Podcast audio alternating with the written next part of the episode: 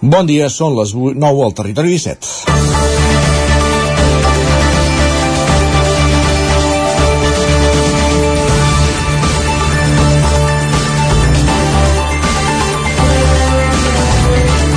Aquí a Can Territori 17 ens ho passem bé, sovint, per exemple, els dilluns a última hora del programa La Tertúlia Esportiva. Avui encara no podem desmuntar aquell argument de l'Agustí Danés que el Madrid amb el Bar guanyarà menys títols i que de Champions fins al 2030 com a mínim cap més. En canvi, sí que s'esmuny allò que deia dilluns l'Isaac Muntades que passades les dues jornades de Lliga d'aquesta setmana el Madrid es posaria a 6 punts del Barça i tornarien tots els fantasmes i el Canguelo i tot plegat. Res, que 3 punts ja no el sumen perquè es van quedar ahir a Montilivi. 4-2 n'hi va clavar el Girona al Madrid i gironins i culers avui es lleven molt contents. Però futbol a banda, avui també és notícia que ja s'han fet públiques les candidatures que concorren a les eleccions del 28 de maig. Dilluns a les 12 de la nit es tancava el termini i avui el butlletí oficial de la província ja les fa públiques. Es confirma la novena llista de Vox a Vic, l'únic municipi on es presenta aquesta formació de l'ultradreta a la comarca d'Osona, i també n'hi apareix una quarta del PSC a Sant Julià de Vilatorta. Ja hi ha vuit municipis de la comarca d'Osona que a dia d'avui ja saben qui serà el seu alcalde. Jordi Fàbrega, Sant Pere de Torelló, Gil Salvans, debutant a Olost, Pere Medina, al Brull, Adjutori Redorta, el nou alcalde de Malla, Carles Morera a Muntanyola, Arnau Basco a Orís, Francesc Xavier Puig, que debuta a Sant Bartomeu, i Marc Parés a Sant Boi. Però altres municipis on aquest escenari succeïa fa 4 anys, aquesta vegada hi ha alternatives, com les tres llistes de Sant Sadurní d'Usormort i Vilanova de Sau, o Sora, i Sora o les dues de Sobremunt i Rupit. Per partits, Esquerra és la candidatura que, que té més candidatures a la comarca i el PSC recupera després del sotrac que van suposar els fets de 2017 i el retrocés de 2019. Fins i tot a Sant Julià desapareix la llista de Junts per... A Sant Julià no, a Viladrau desapareix la, junta de, la llista de Junts per Catalunya. Ara, per tant, ja es coneixen els actors i la cursa electoral accelera amb un objectiu, el 28 de maig. Cordem-nos el cinturó que, i que ningú prengui mal. És dimecres 26 d'abril de 2023, en el moment de començar el Territori 17 a la sintonia del 9 FM a la veu de Sant Joan, una codinenca, Ràdio Cardedeu, Ràdio Vic i també Twitch, YouTube, el 9 TV i la xarxa més. Territori 17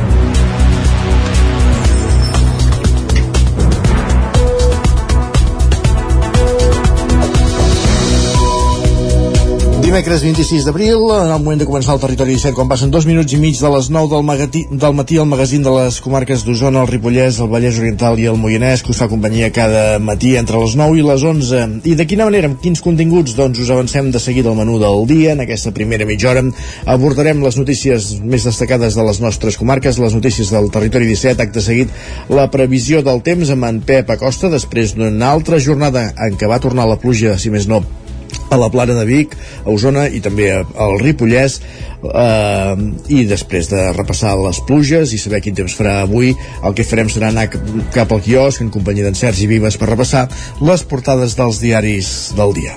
Veurem què em diuen d'aquesta victòria del Girona Montilivi 4 a 2 al Real Madrid a partir de dos quarts de deu, l'Isaac Muntades eh, recollirà les cròniques dels oferts usuaris de la línia de tren, la Barcelona-Granollers-Vic, Ripoll-Puigcerdà, l'R3, en aquest espai que fem cada dia just al tombar de dos quarts de del matí, la Trenc d'Alba, i a l'entrevista conversarem amb Ricard Carreras, ell és un dels investigadors del Centre Beta de la Universitat de Vic i molt especialitzat en tot el que fa a l'entorn de la indústria eh, porcina i de la indústria alimentària de la comarca d'Osona. Amb ell parlarem d'un projecte de planta de biogàs, d'un projecte tipus de planta de biogàs que és molt idoni per implantar la comarca d'Osona. Ara hi ha el projecte, falta eh, els inversors privats que el facin realitat. Conversarem, detallarem com seria aquest projecte ideal de planta de biogàs per valoritzar les dejeccions ramaderes, resoldre un problema ambiental i alhora, com dèiem, donar-li valor, donar transformar-los tant en biogàs com en fertilitzants. D'aquest projecte en parlarem a partir de dos quarts de deu, com dèiem amb Ricard Carreras del Centre Beta de la Universitat de Vic i arribarem al punt de les 10 repassant objectius de desenvolupament sostenible, ODS i, si és el cas, amb música. Notícies a les 10, la previsió del temps i avui al territori territori sostenible la segona part d'aquest conflicte que hi ha a Santa Maria d'Oló i que ens portarà la setmana passada l'antena en Jordi Givert que és la ubicació d'una nova d'una depuradora La setmana passada vam escoltar la veu dels veïns contraris a aquesta instal·lació i avui serà el torn d'escoltar la veu de l'administració de l'administració justificant aquesta, aquest projecte i la seva ubicació.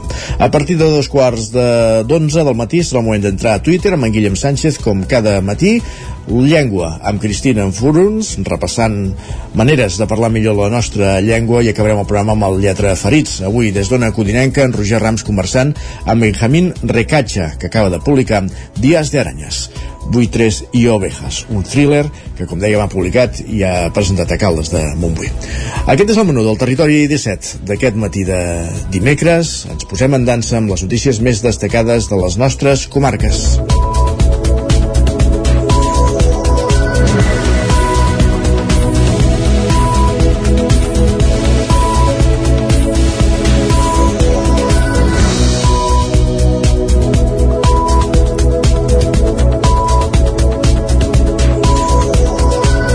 Unes notícies que avui passen per la publicació de les llistes electorals del 28 del maig. L'Isaac Muntada s'ha fet passar l'amargura de la derrota del Madrid al camp del Girona, repassant tot el que hi ha de nou i de noticiable al Ripollès. Ja ha fet un cop d'ull a la publicació del butlletí oficial de la província i aquest n'és el resultat. Sorpresa, per exemple, amb l'aparició de Junts a Camprodon i més llistes fantasmes que d'independents del Ripollès. Isaac Muntades, des de la veu de Sant Joan. Al Ripollès hi ha hagut més sorpreses de les esperades a les candidatures presentades davant de la Junta Electoral de Zona a Puigcerdà a les eleccions municipals del pròxim 28 de maig i que s'han publicat aquesta matinada al butlletí oficial de la província de Girona. La més sonada és que a Camprodon hi haurà tres llistes i no dues com fa quatre anys, ja que Junts ha confeccionat una candidatura contra tot pronòstic amb Alfred Gavira al capdavant per disputar l'alcaldia Xavier Guitar de Tots per Camprodon i a Joaquim Quim Coc de Més Camprodon. Majoritàriament són gent que viuen al poble i tenen vincles, però s'ha format molt a última hora. Els altres quatre pobles grans hi han concorregut les candidatures esperades. Per exemple, a Ripoll no hi ha hagut cap sorpresa, a diferència de fa 4 anys amb la irrupció del Front Nacional de Catalunya i Som Catalans. Així doncs, hi haurà sis llistes amb la darrera incorporació de Som i Ripoll, liderada per Joaquim Colomer, i sota el paraigua dels independents del Ripollès. A Camp de hi haurà cinc llistes amb l'entrada de gent de poble, també sota les sigles dels independents amb Dolors Costa com a cara visible, Oriol Lázaro de candidat de Sumem per Camp la marca blanca de Junts, i Xavier Capdevila de 100% Camp una llista associada al PSC. Ni rastre d'Aliança Catalana ni aquí ni a Sant Joan de les Abadeses, on hi haurà tres llistes amb la darrera incorporació d'Ingrid Moreno amb Avancem Sant Joan, de l'espai de Junts per Catalunya, que ve a trencar el bipartidisme entre Ramon Roquer i Sergi Albric. Més, portarà una llista força renovada perquè només Rosa Freixenet i el mateix candidat repeteixen entre els sis primers. En canvi, quatre dels regidors d'Esquerra van en posicions de sortida, una continuïtat republicana que també s'aprecia a Camp de Bànol i Camprodon, amb molts dels actuals regidors a les primeres posicions. La renovació arriba sí que és total, perquè només repetiran a l'Ajuntament els caps de llista. Mònica Sant Jaume no porta cap regidor actual entre els cinc primers i el més pròxim és Joan Alba Monte a la novena posició. Es pot dir que les candidatures fantasma han superat les dels independents pel Ripollès, ja que se n'han format sis del PSC de fantasma i cinc dels independents. Això sí, amb una petita trampa, perquè han estat en poblacions petites i amb llistes obertes en què només han presentat una persona. En canvi, els independents trepitgen fort a Ripoll, Camp de Bànol, Planoles, Ugassa i les Llosses. Precisament en aquesta població hi haurà cinc candidatures, la fantasma del PSC, una de Junts i una de totes les Llosses, a banda d'Esquerra i els independents. A Ugassa hi haurà quatre llistes, a banda d'Esquerra amb Albert Suà al capdavant i els independents de Carles Mercader, també s'hi suma Junts i una llista fantasma del PSC. També hi ha llistes fantasma del PSC a Campelles amb tres llistes o a Gombrèn, on César Uller serà l'alcalde gairebé segur. Pep Coma també serà alcalde per quart mandat consecutiu a Molló i Amadeu Rossell a Llanàs per tercera vegada seguida, perquè es presenten al capdavant de l'única llista del municipi. A Toses i Vallfogona de Ripollès, Joan Bernades i Esteve Font també seran alcaldes amb tota seguretat, perquè les llistes fantasma del PSC no incidiran en el resultat. Hi haurà alguns duels interessants com el cara a cara a Sant Pau de Segúries entre dues cambres amb Junts i Albert Coma amb Esquerra. David Verge a Planoles optarà a la reelecció enfrontant-se al republicà Albert Altet, mentre que Set Cases el duel serà entre Joan Casadevall d'Esquerra i Carlos Fernández del PSC. Hi haurà tres llistes a Caralps amb Junts i Esquerra disputant-se l'alcaldia i un cara a cara a Vilallonga de Ter entre Pere Sau de Junts i una llista associada a Esquerra amb Francesc Xavier Sal al capdavant. L'actual alcaldessa Mònica Bonsoms anirà de número 3 a la llista de Junts. Gràcies, Isaac. Després d'aquest exhaustiu repàs del Ripollès, un apunt d'Osona, i és que encara estem buidant tota aquesta informació publicada al butlletí oficial de la província. Deien que hi ha 8 municipis d'Osona que ja saben qui serà el seu alcalde. Se n'hi sumen 2 més, per tant seran 10 en el cas d'Alpens, amb Toni Prat i Lluçà, amb Glòria Colom. Per tant, eh, 10, 10 municipis d'Osona que a dia d'avui ja saben qui serà el seu futur alcalde. Encara en plana electoral, l'expresident de la Generalitat, José Montilla visita a Torelló per presentar la llista del PSC i les línies principals del programa electoral d'aquesta candidatura. Sergi Vives. La candidata del PSC a Torelló, Roser Romà, rebia dissabte al migdia l'expresident de la Generalitat, José Montilla, que la va acompanyar en la presentació de la candidatura amb la qual concorrerà a les eleccions del 28 de maig. Una llista que tancarà l'exalcalde Miquel Frac, a qui va elogiar Montilla un referent al Miquel Fran, que era l'alcalde d'aquí de Torelló en l'etapa en la que jo era president de la Generalitat. Eh, una persona que va fer eh, una gran tasca. Jo estic convençut de que estem a les portes també d'una nova etapa, de passar full eh, al llibre de Torelló d'un canvi eh, aquí a Torelló eh, amb eh, la tornada dels socialistes al govern municipal. Als primers llocs de la llista hi ha persones noves com Felipe Sánchez, el número 2, i Cristian Serrat, el 3, Justo Martínez, el 4 i Remei Llebra, el 5. Qui no hi és per motius personals és l'anterior cap de llista i actual portaveu, Joan Carmona, però Roma sí que compta amb regidors socialistes com Francesc Rivera o Francisco Granados. Havien treballat les esmenes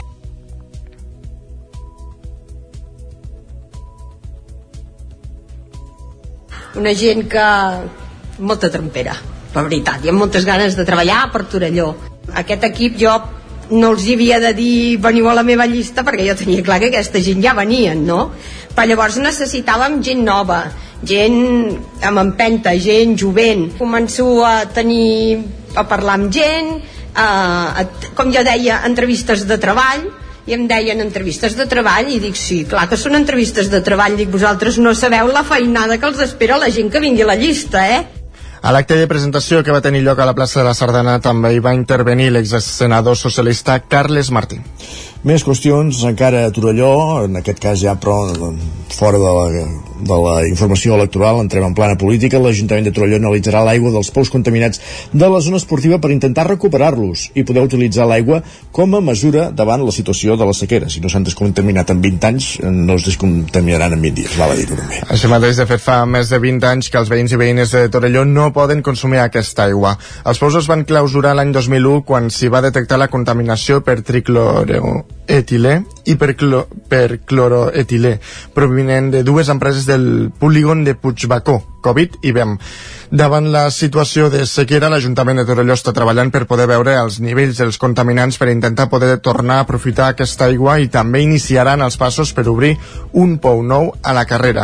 De tot plegat en parla el regidor de Salut i Medi Ambient, David Sánchez. Hem encarregat un anàlisi dels pous de la zona esportiva per tal de que arribat al punt que esperem que no arribi eh, hem d'aprofitar aquesta aigua tant pel consum de, de boca com, com pel rec eh? Llavors s'ha iniciat els passos per mirar d'obrir un pou nou a la carrera. Hi ha informacions de que ja hi havia hagut un pou que, que ara està tancat i doncs volem, volem intentar explotar aquesta opció Ara fa 4 anys es van fer 12 mesuraments per veure la quali quantitat de contaminants i només el 12 va donar positiu en el marc d'un projecte que ja pretenia recuperar-lo. Des del 2001 i fins al 2011 es van fer diferents actuacions per a la descontaminació i des de llavors s'hi han fet el manteniment. El 2017, dos anys després de ju del judici, el Suprem va confirmar la sentència en què condemnava els acusats a penes de presó que no van suposar el seu ingrés i a pagar 1,2 milions d'euros pel cost de les tasques de de descontaminació. D'altra banda, el consistori ja ha activat mesures per reduir el consum d'aigua davant la situació de sequera, encara que el municipi no es trobi en la fase d'excepcionalitat, com reduir la pressió de les canonades principals. David Sánchez. Al, haver-hi més pressió surt menys quantitat per les aixetes i la gent al final acaba consumint menys aigua i llavors pel que fa al rec de parcs i jardins hem anul·lat el rec per aspersió de l'herba de tots els prats i jardins. S'ha reduït el, el mínim possible la, bàsicament només per la supervivència de, de les plantes tant per terres com jardineres com els arbres que es van reposar durant aquest hivern. El consistori preveu tenir els resultats de les analítiques dels pous contaminats la setmana vinent. Més qüestions, Cardedeu per tothom fa un acte benèfic per una nena amb síndrome de Lois Dietz. Pol Grau, Ràdio Televisió, Cardedeu. L'Aina és una nena de 6 anys que pateix una malaltia rara, la Lois Ditch. I des de Cardedeu per a tothom s'ha fet una jornada solidària amb diversos actes infantils, com l'actuació del MacPep per recaptar fons per adaptar lavabo de casa l'Aina a les seves necessitats. Ens ho explica la mare de l'Aina. De momento, si podemos conseguir adaptar el baño, ya con eso seremos la mar de felices porque eso, lo que tenemos ahora, Aina no, no está segura a la hora de bañarse. Las movilizaciones son muy, muy específicas, eh, yo me tengo que dejar mucho la espalda, entonces necesito una buena camilla, que eso gracias a servicios sociales me la han podido eh, donar. Y, bueno, lo que necesitemos también es adaptar eh, tema el baño, o sea, movilizar todo, todo el baño, la distribución. Y claro, eso pues claro, es, es un coste económico. Si conseguimos eso, yo ya seré más de feliz. Y después, pues mira, si va sobrando dinero, pues todo eso irá para, para su hucha y para conseguir un coche adaptado, que eso también lo necesitamos, porque mi espalda está sufriendo mucho. En l'acte s'han venut diversos productes variats, on han destacat les roses en honor a la Diada de Sant Jordi.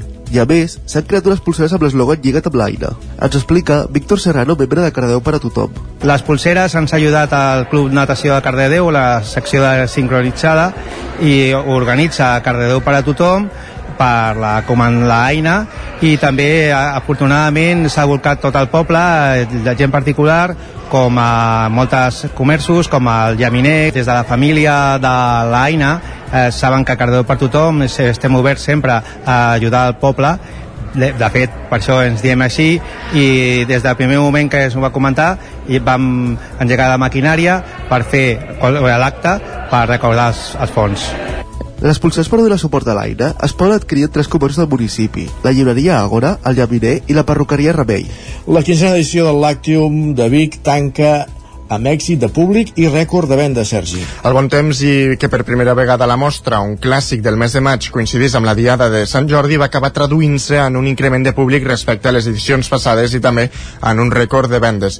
Un canvi al calendari que arriba per quedar-se, segons la gerent de l'Organisme Autònom de Fires i Mercats de Vic, Sílvia Badosa. Ens ha funcionat, també és veritat que, que el canvi climàtic ha fet que també aquestes dates s'hagi avançat una mica la calor, però, però bueno, el polen s'ha aguantat i la veritat és que s'ha estat molt, ha estat un ambient molt més agradable aquí que no el que teníem els últims anys. Ho constataven també dues veus autoritzades, els propietaris d'Ubac Làctics i del Mas Algaret, dues formatgeries d'Osona que han participat a totes les edicions del Lactium, Ramon Ubac i Lluís Mauri. Havien treballat les i de gent n'hi ha hagut molta. No, jo no recordo haver vist un Lactium amb tanta gent. I haig de dir certament que aquesta edició, possiblement, amb, amb ventes i amb participació de públic, potser ha estat de les millors, per no dir la millor. Ubac i Mas Algaret són dues de les, 30, de les 30 formatgeries que durant tot el cap de setmana han participat a la mostra. En total s'han presentat 150 formatges. La gran majoria s'ha pogut degustar a l'aula de, del formatge i entre dissabte i diumenge en aquest espai destinat als tastos guiats de formatge hi han participat mig miler de persones. Més qüestions i a la plana esportiva us expliquem que l'agrupació Barça Jugadors, que inclou l'equip de veterans del Futbol Club Barcelona, exigeix 3.000 euros al Club de Futbol Sant Feliu de Codines per venir a disputar un partit amistós pel centenari del club, trencant així l'acord que varen signar els dos clubs. Roger Rams, Ona Codinenca. En el marc del centenari del Club de Futbol Sant Feliu de Codines, que se celebra en guany, el club ha organitzat una sèrie d'actes per commemorar l'efemèride. Doncs bé, un dels actes més destacats que hi havia en aquesta celebració és que l'equip de jugadors veterans del Barça vingués el proper 7 de maig a jugar un partit al camp municipal Francesc Garriga. Després de mesos de gestions per part del club organitzant el maig, finalment el passat mes d'octubre els jugadors del Barça varen acceptar venir a jugar a Sant Feliu a canvi que el club codinenc es fes càrrec de les despeses de l'equip com ara el desplaçament o la dieta, cosa que el club codinenc va acceptar. L'escàndol, però, comença ara fa unes setmanes a finals de març, quan els veterans del Barça envien un correu al Sant Feliu exigint l'abonament de 3.000 euros a canvi de venir a disputar el partit i amenacen que si no s'abona la quantitat, ells no vindran a jugar quan prèviament havien pactat que no es pagaria per la presència de l'equip blaugrana, cosa que el Sant Feliu ja ha rebutjat frontalment. Eh, fins i tot, des del club s'ha presentat una carta al president del Barça, Joan Laporta, on lamenta la manca de respecte de l'Associació de Veterans cap al Sant Feliu. Escoltem Miquel Palau, tresorer del Sant Feliu. Uh, bueno, des del, des del club, evidentment, uh, ens vam trobar molt, molt decepcionats, no? Decepcionats i cabrejats, però bàsicament et decepciona veure que, que trenquen l'acord d'aquesta manera. L'acord ja ja s'ha trencat, vull dir, no, no evoluciona de cap manera. Des del, des de l'últim correu, com va explicar ahir el, el Tu Jugues, eh, ens vam dir, els vam dir que no, no teníem eh, aquest canvi de d'actitud i per tant que nosaltres els esperàvem el dia 7, és que va ser així. Segons ha explicat l'agrupació de jugadors del Barça, el fet de pagar 3.000 euros per partit s'ha imposat en els darrers mesos degut a un canvi de junta intern. Des del Sant Feliu, però, ressalten que l'acord amb el club és anterior i que estan incomplint-lo i, per tant, que el partit no es disputarà aquest nou acord eh, no és possible perquè ja en tenim un, amb el que nosaltres ens atenem a l'acord que ja tenim i us esperem aquí el dia 7 amb el que la seva resposta va ser que ells no, no pensaven venir i que, que els hi diguéssim si els hi pagaríem els 3.000 euros o no. És que, és que aquest últim correu no els hi he contestat amb el que, amb el que no, no hi ha cap tipus d'aquest acord ara mateix ni cap possibilitat, vull dir, es van tancar massa en banda i no hem pogut reaccionar d'aquesta manera, no, no, hi ha, no hi ha més. No, no, el partit no es juga segur des del club, segons ha informat Palau, encara no han tingut cap resposta per part del Barça a la carta que han fet arribar a Joan Laporta i ja han buscat alternatives a aquest partit. De moment, segons hem pogut saber, ja tenen un principi d'acord amb el Girona per disputar un partit en aquest any de centenari, encara però amb la data a concretar. Aquesta actitud per part dels veterans del Barça ha indignat els socis i aficionats del Sant Feliu i, com dèiem, s'ha traslladat la indignació a diaris de tirada nacional que avui se'n fan ressò, com ara el periòdico o l'Esport, a més del 9-9. Clar que sí, de fet el Girona és qui clava quatre gols al Madrid, hores d'ara. Per tant, mira, benvingut Girona, també a Sant Feliu. Acabem aquí aquest repàs informatiu que començàvem al punt de les 9 i que hem allargat fins ara, que falten 9 perquè siguin dos quarts de 10, en companyia de Sergi Vives, Roger Rams, Isaac Muntades i Pol Grau. Moment de saludar també el nostre home del temps, en Pep Acosta.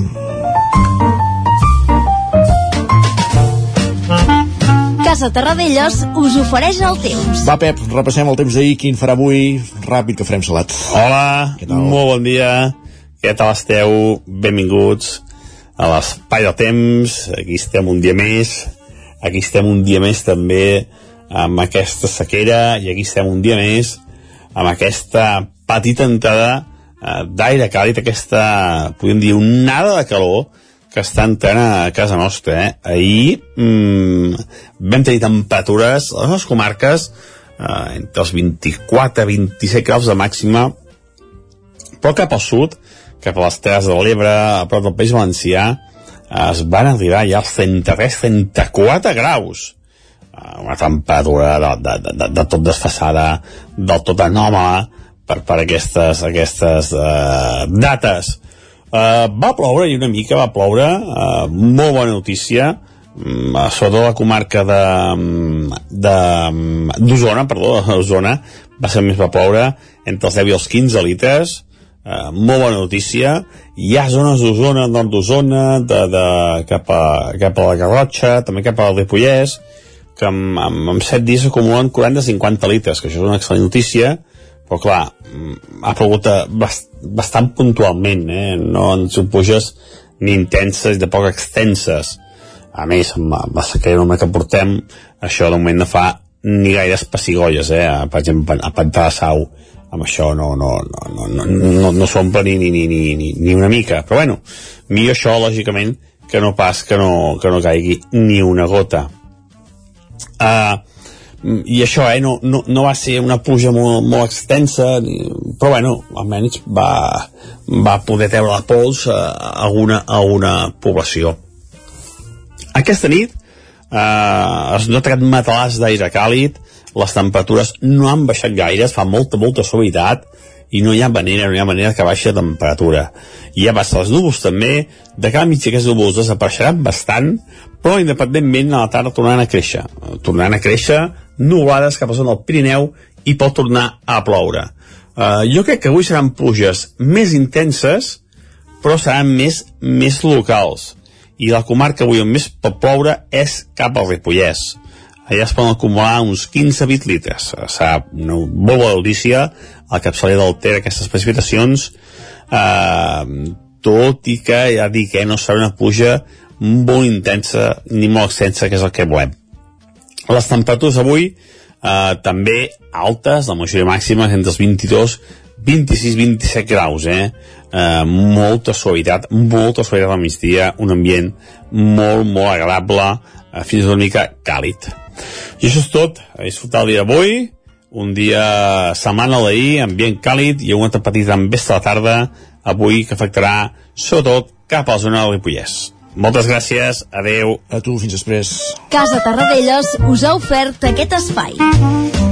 I ràpidament anem cap al quiosc, Sergi, perquè és moment també de repassar les portades dels diaris del dia, per on comencem avui. Doncs va, comencem pel punt avui, que diu que el REC tanca l'aixeta. Expliquen que la manca de reserves fa restringir el subministrament al canal d'Urgell, mentre el govern busca com impulsar nous projectes. El però pel turisme cap problema, eh? No, no, ni els camps de golf ni res. Exacte, sí, sí. Ah. Vinga, va.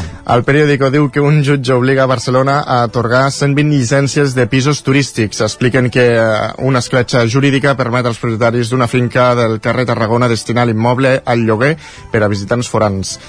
La Vanguardia diu que el govern central rebaixa el 25% de l'IRPF a 800.000 agricultors i ramaders. Expliquen que la reducció serà de fins a un 50% per als casos més perjudicats per la sequera, com el cereal i l'oliverà. Ens aturem també aquí a Vanguardia perquè diuen que els Obama i Spielberg viatjaran a Barcelona per assistir al concert de Bruce Springsteen. Carai. Concert que farà aquest divendres. Però que no toca Amèrica, Bruce Springsteen, han de venir ells aquí. No ho sé, això ja... Amb Lara diu que Brussel·les limitarà la publicitat a Google, Instagram i Amazon per defensar els usuaris. Expliquen que volen acabar amb la desinformació i anuncis per ètnia o orientació sexual. I ràpidament anem a la premsa espanyola. El País diu que Sánchez anuncia 20.000 pisos més de lloguer social en sols de defensa. Expliquen que el govern preveu la gestió pública la gestió directa del projecte per, eh, per, a través d'una societat pública. La BCE diu que els impostos i cotitzacions s'emporten al 39,5% del salari brut. Expliquen que l'últim informe de l'OCDE revela que Espanya és la gran economia europea on la caiguda del poder adquisitiu va ser més gran al 2022. El Mundo diu que el PSOE, el PNB i Pildu fulminen l'espanyol de les escoles basques. Expliquen que la nova llei d'educació impedeix als pares escollir l'ensenyament en castellà i obliga a que tots els alumnes tinguin el B2 d'euskera. I acabem amb la raó que diu que Sánchez eh, tira de l'Institut per frenar el canvi, en referència al PP. Expliquen que el líder socialista Yolanda Díaz actuen al Senat com, com un i dos de la mateixa. El nou FM, la ràdio de casa, al 92.8. Estàs preparat per aquest estiu? A Boi Galter som especialistes en tot allò relacionat amb la protecció solar per a qualsevol necessitat d'espai, tendals, pèrgoles, escrins interiors. Anticipa't a la calor. T'assessorem i t'oferim la màxima garantia de confort i benestar per casa teva. No ho dubtis i vine a Boi Galtés.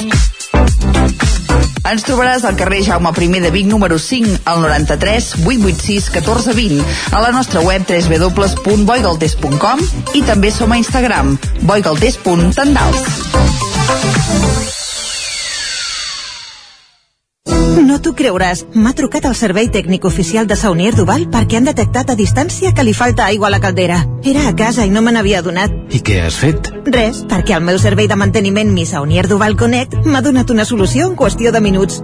Informeu-vos a connectivitat.saunierduval.es. Saunier Duval, sempre al seu costat.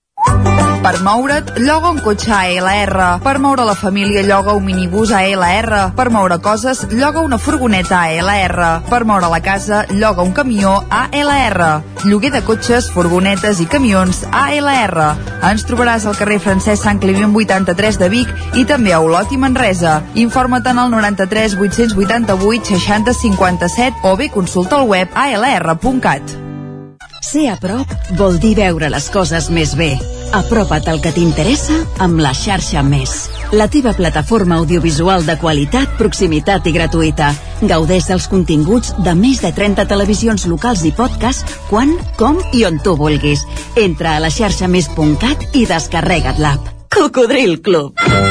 Si t'agrada la bona música dels anys 60, 70 i 80, escolta el 9 FM als matins de dissabtes i diumenges d'11 a 1.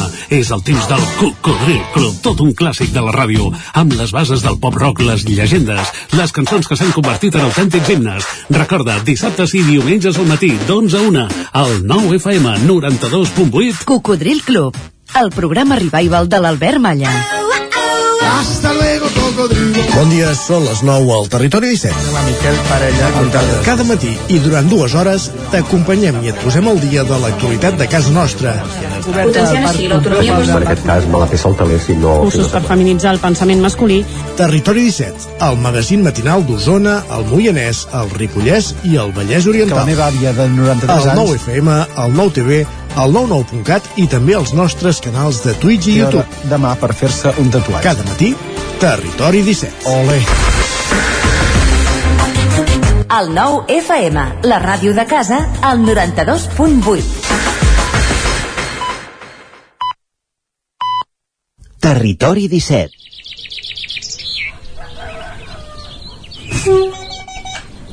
A Tren d'Alba.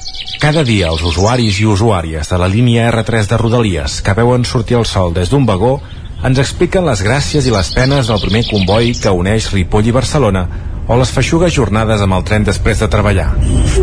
Benvinguts a Tren d'Alba. M'encanten les piulades de Twitter que demanen coses a Rodalies de Catalunya. La usuària Laia Sabater aquest dimecres s'ha queixat de la màquina de validació de l'andana direcció Barcelona de l'estació de Palau Tordera a l'R2 Nord. Ella no recorda l'última vegada que va funcionar. Lamenta que no hi hagi més màquines expenedores i que estan deixats de la mà de Déu, però demana que almenys ho arreglin. Renfe li ha dit que avisaven al Departament de Manteniment per reparar-ho. Veurem què acaba passant. El més graciós era una piulada que posava un mem del Simpson en què el policia Bigun, que no destaca per ser una persona gaire intel·ligent, fa veure que escriuen una màquina d'escriure, com dient que contesten però que no faran res. En fi, ens retrobem demà amb més històries del tren i de l'R3. Territori 17, el 9 FM, la veu de Sant Joan, Ona Codinenca, Ràdio Cardedeu, Territori 17. Un minut que passa de dos quarts de deu del matí, anem cap a l'entrevista.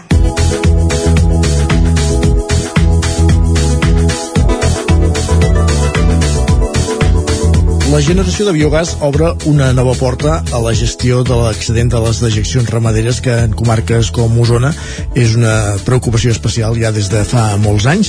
La setmana passada es presentava a la Universitat de Vic una planta pilot eh, elaborada des del Centre Beta de la Universitat de Vic, des del Centre Tecnològic Beta de la Universitat de Vic, Universitat Central de Catalunya, del que hauria de ser, com dèiem, un projecte de planta centralitzada per generar biogàs a la comarca d'Osona. Per entrar en detalls d'aquest projecte ens acompanya Ricard Carreras del Centre Tecnològic Beta de la Universitat de Vic. Benvingut, bon dia. Hola, molt bon dia. Uh, partim d'aquesta realitat de l'excedent de dejeccions ramaderes a la comarca d'Osona, de purins i de les opcions que hi ha per tractar-les eh, i acabar generant biogàs, no? de tal manera que el seu impacte sobre el territori disminueixi. Així, Isaac, eh, realment has fet una molt bona introducció i és que ara mateix el, el biogàs per comarques com la d'Osona poden representar una oportunitat no tant o no només per la pròpia generació d'energia renovable, sinó per millorar la gestió dels residus orgànics existents al territori, uh -huh. i principalment les dejeccions ramaderes i molt particularment els purins. Uh -huh. Per tant, estem parlant d'una planta que d'alguna manera substituiria aquestes plantes de tractament de purins que, que hi ha que n'hi ha dues a la comarca d'Osona, que podria substituir-les, i que més és això, eh, valora, donaria un valor d'alguna manera als purins en forma de biogàs també i en forma de, de fertilitzants després de tot un procés que, que en tot cas explicarem al llarg d'aquesta entrevista. El concepte és aquest, diguéssim, en aquesta planta de biogàs hi entraria matèria orgànica, principalment purins, però no només, oi? Exactament.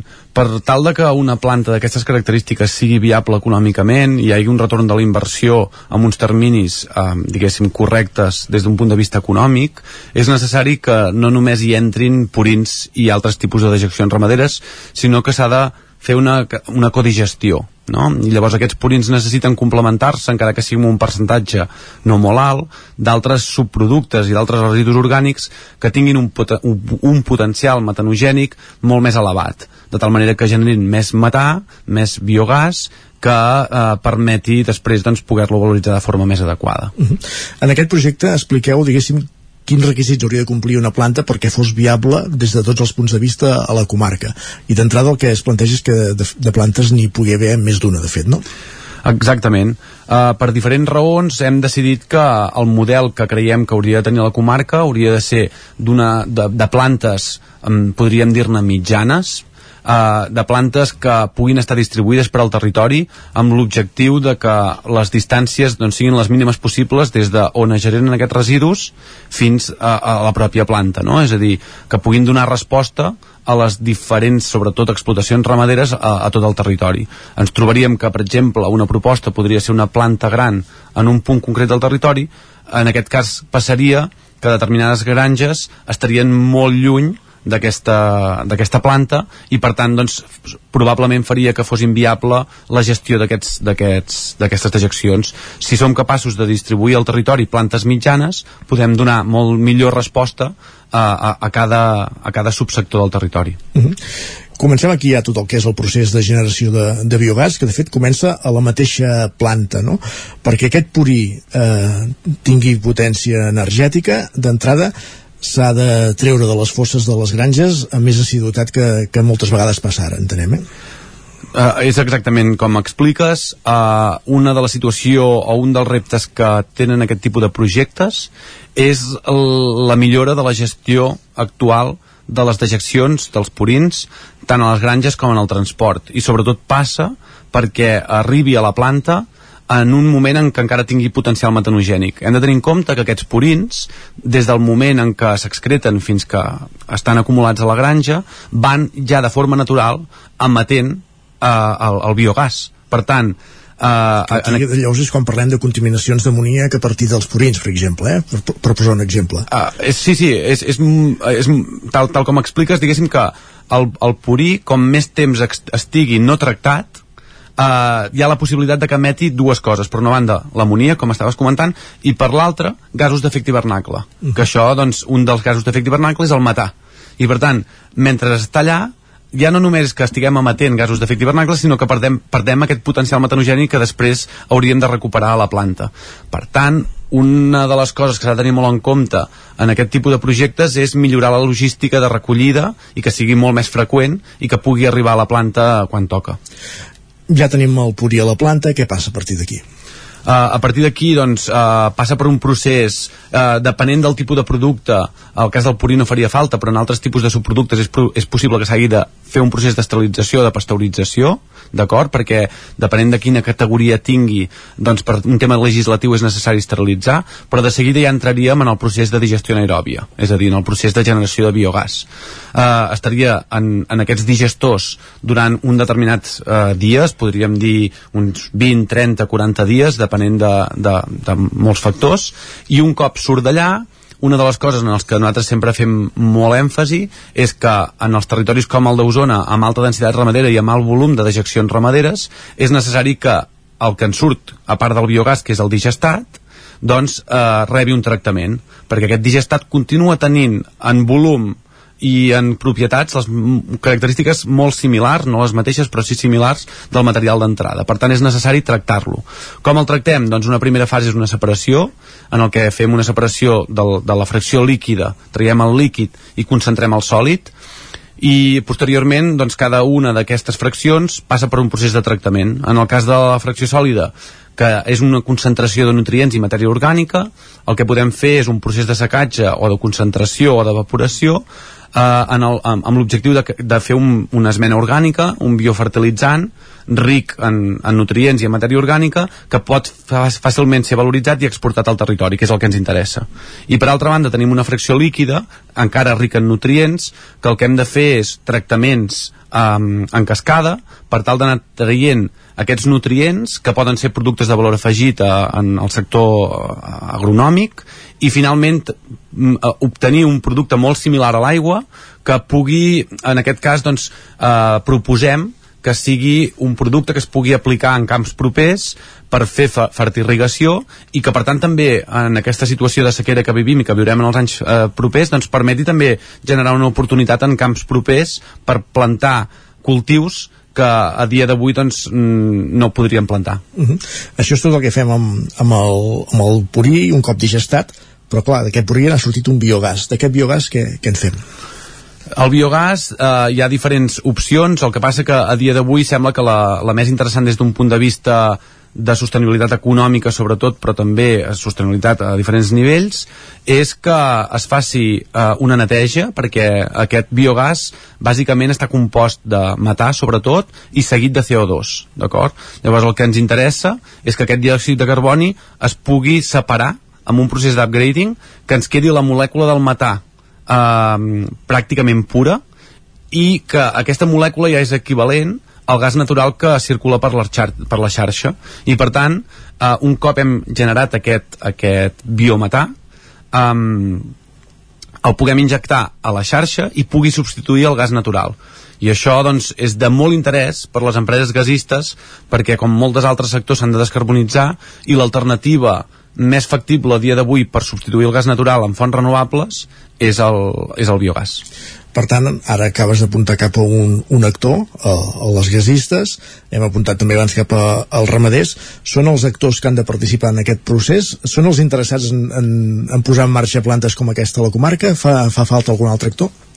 el, el, els principals interessats des del meu punt de vista i els que estan eh, promovent aquest, aquesta tipologia de plantes per al territori, com et deia, són les empreses gasistes. El que passa que el que procurem fer tant de les administracions públiques com des de l'acadèmia és que aquests um, projectes siguin sostenibles a nivell social també. Què vol dir sostenibles a nivell social? Vol dir que tots els actors en sortim beneficiats.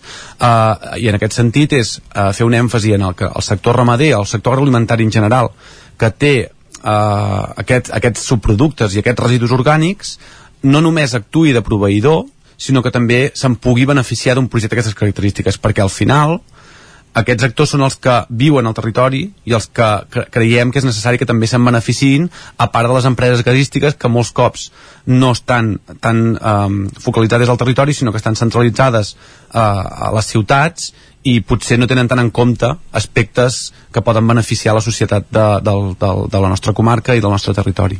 El que sí que ara és aquest projecte de planta tipus, diguéssim, a disposició de qui pugui fer aquesta o qui vulgui fer aquesta inversió, no? diguéssim, perquè de, de quants diners estem parlant d'una inversió d'aquestes característiques? Uh, això, aquest import pot arribar a ser molt, molt variable en funció de molts factors, però um, amb, amb una planta d'un tractament aproximat de 100.000, 150.000 tonelades o metres cúbics any, podríem estar parlant de 8, 10, 12, 15 milions d'euros, uh -huh. estaríem voltant en aquest valor, tot i que, com et dic, podríem encara incrementar aquest, aquest cost suposant que féssim un tractament més intensiu del digestat, o potser inclús es podria disminuir si plantegéssim altres aspectes de, de, de, de, de gestió. Però diguéssim que podríem moure'ns en, en per aquests valors. I la mare dels ous, on s'han d'ubicar aquestes plantes?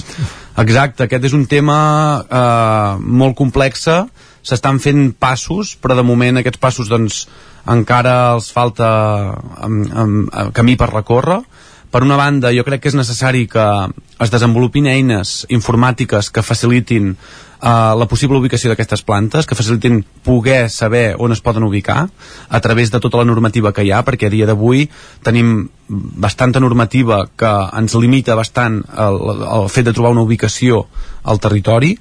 Um, sobretot potser podríem destacar la distància de 500 metres entre granges porcines i aquestes plantes i la ubicació d'aquestes plantes i en aquest sentit comentar que uh, la, la, la, la, la legislació actual que és el Real Decret 306-2020 d'ordenació ramadera porcina marca uh, aquests 500 metres però s'ha fet des del Ministeri una proposta de modificació d'aquest Real Decret i que és reduir el 50% és a dir, passar de 500 a 250 això faria que territoris com el d'Osona doncs fos més fàcil eh, el fet de poder trobar ubicacions. Aquesta proposta de modificació es va fer entre finals de l'any passat i principis d'aquest i estem una mica a l'expectativa perquè també entra en conflictes del propi sector o interessos del propi sector que és temes sanitaris perquè una ubicació d'una planta d'aquestes característiques fa que hi hagi mm, hi pugui haver possiblement doncs, més facilitat de transmissió de determinades malalties com la peste porcina africana o el PIRS i diguéssim que això és un risc que part del sector no vol córrer tot i que si s'apliquessin les mesures correctores necessàries doncs eh, el, es podria fàcilment um, evitar aquest risc i al mateix temps potenciar el que molts cops es demana des, de les, des dels governs i des de la societat que és la bioeconomia i millorar els processos des d'un punt de vista sostenible. Ricard Carreras, del Centre Tecnològic Beta de la Universitat de Vic, Universitat Central de Catalunya. Gràcies per acompanyar-nos avui i explicar-nos, posar-nos al detall aquest projecte de, de planta de, de biogàs doncs que seria idònia, diguéssim, no? pel tractament de les dejeccions ramaderes de la comarca d'Osona. Ara hi ha el projecte sobre la taula i fa falta que apareguin els inversors que les posin en marxa i molta altra feina, però una, fe, una, una part important d'aquesta feina està feta. Gràcies per acompanyar-nos. Gràcies a vosaltres.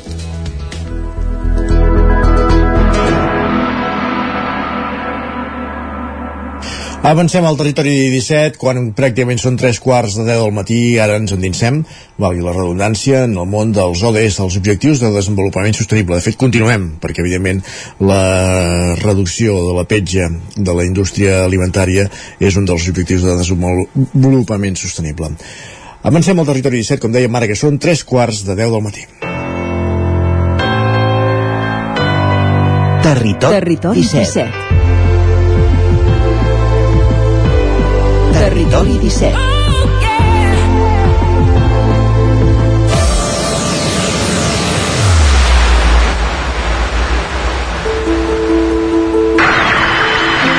Porque yo podría y me atrevería a decir que el individuo no es más que un eslabón, un pequeño eslabón en una larguísima cadena, cuyo origen se pierde en la noche de los tiempos y cuyo fin está todavía por forjar.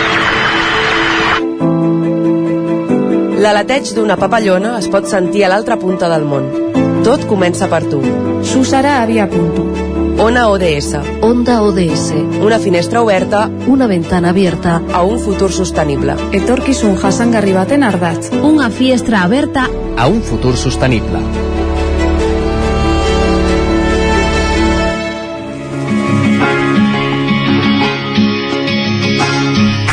Els productes ecològics estan cada vegada més a l'ordre del dia i també els que intenten minimitzar els seus envasos o ho fan d'una manera més sostenible. Natulim és un exemple d'això, una empresa que volia aconseguir una forma més intel·ligent de rentar la roba. Es tracta d'unes tires biodegradables de detergent ecològic que simplement s'han d'introduir a la rentadora. Perquè ens ho expliqui de primera mà, tenim amb nosaltres en Lluís Montull, cofundador de Natulim. Bon dia, Lluís. Bon dia, Maria. Moltes gràcies per invitar-me. Tenia moltes ganes de venir i aquí estem. Doncs som-hi, perquè avui ens hem de, de posar a rentar la roba, per dir-ho d'alguna manera. Lluís, com a experts que sou en tema de sabó ecològic, aquesta marca Natulim, com d'important és el sabó per rentar la roba i com afecta també el nostre ecosistema, els nostres hàbits, diguéssim? Pues molt més important de lo que la gent es pensa. No? Al, al final, eh, ara cada vegada més estan tocant els temes aquests no? de la moda de fast fashion, de, de la roba que dura una temporada o de la roba que dura tota la vida no? I, i realment la gran forma de, de conservar la roba és utilitzar detergents que, que la respecten no? i que no són agressius amb aquesta roba. I aquí ficaré un, un, un parell d'exemples no? bastant ràpids. Um, la quantitat de detergent que utilitzes per rentar la roba és primordial i jo fins, que gràcia que ho diga jo, no? De dir això, però fins fa uns anys, abans de ser expert en detergents, quan, quan ficava rentadores agafava el, el tap de la botella de líquid venga cap a dintre i, i això era tot, no? I, i al final aquí... Ah, no, no, està, no està bé això, no? Ja, ja comencem No malament, això no està bé. Ja comencem malament. Sí, ja tinc un gomet vermell. Gomet vermell només Gomet començar vermell. per mi. Exacte, exacte. I, i d'entrada, perquè bàsicament, clar, va- varia en funció dels, dels quilograms de roba, del tipus de rentat, de la duresa de l'aigua, és a dir, la pegatina que hi ha darrere del detergent líquid, que ningú es llegeix, atenció, s'ha de llegir. Però, però, eh, però intentem de, de moure'ns d'aquestes alternatives no? i de trobar altres formes de, de no tenir que llegir l'etiqueta. No? Això, això és el, primer que volia dir. Després, ja, segon gomet, ja, ja em convertirem en enemic públic número 1, Maria, el suavitzant. El suavitzant és bastant dolent per la roba. Ah, sí? Jo, Mira, jo, jo a més jo soc eh, d'aquelles de... Perquè olori bé, eh? Fot-li. Exacte, exacte. Bà- Bàsicament, el que fa el suavitzant, entre altres coses, i no ens ficarem aquí tècnics, eh, per treure de la roba, és que tapone els, els poros de la roba, no? de la roba dels poros, i el suavitzant el que fa és que plena aquests poros i els impregna també amb l'olor. I, I aquí una cosa que és possible que t'hagis trobat si ets- esportista, que és la, la típica camiseta que tens des de la teva primera comunió, que fiques sempre per anar a córrer, Sí. arriba un dia que dius, l'olor i dius, hòstia, aquesta camiseta olor a suat. Com pot ser que olori suat si, si, si és que l'he rentat? L'he rentat.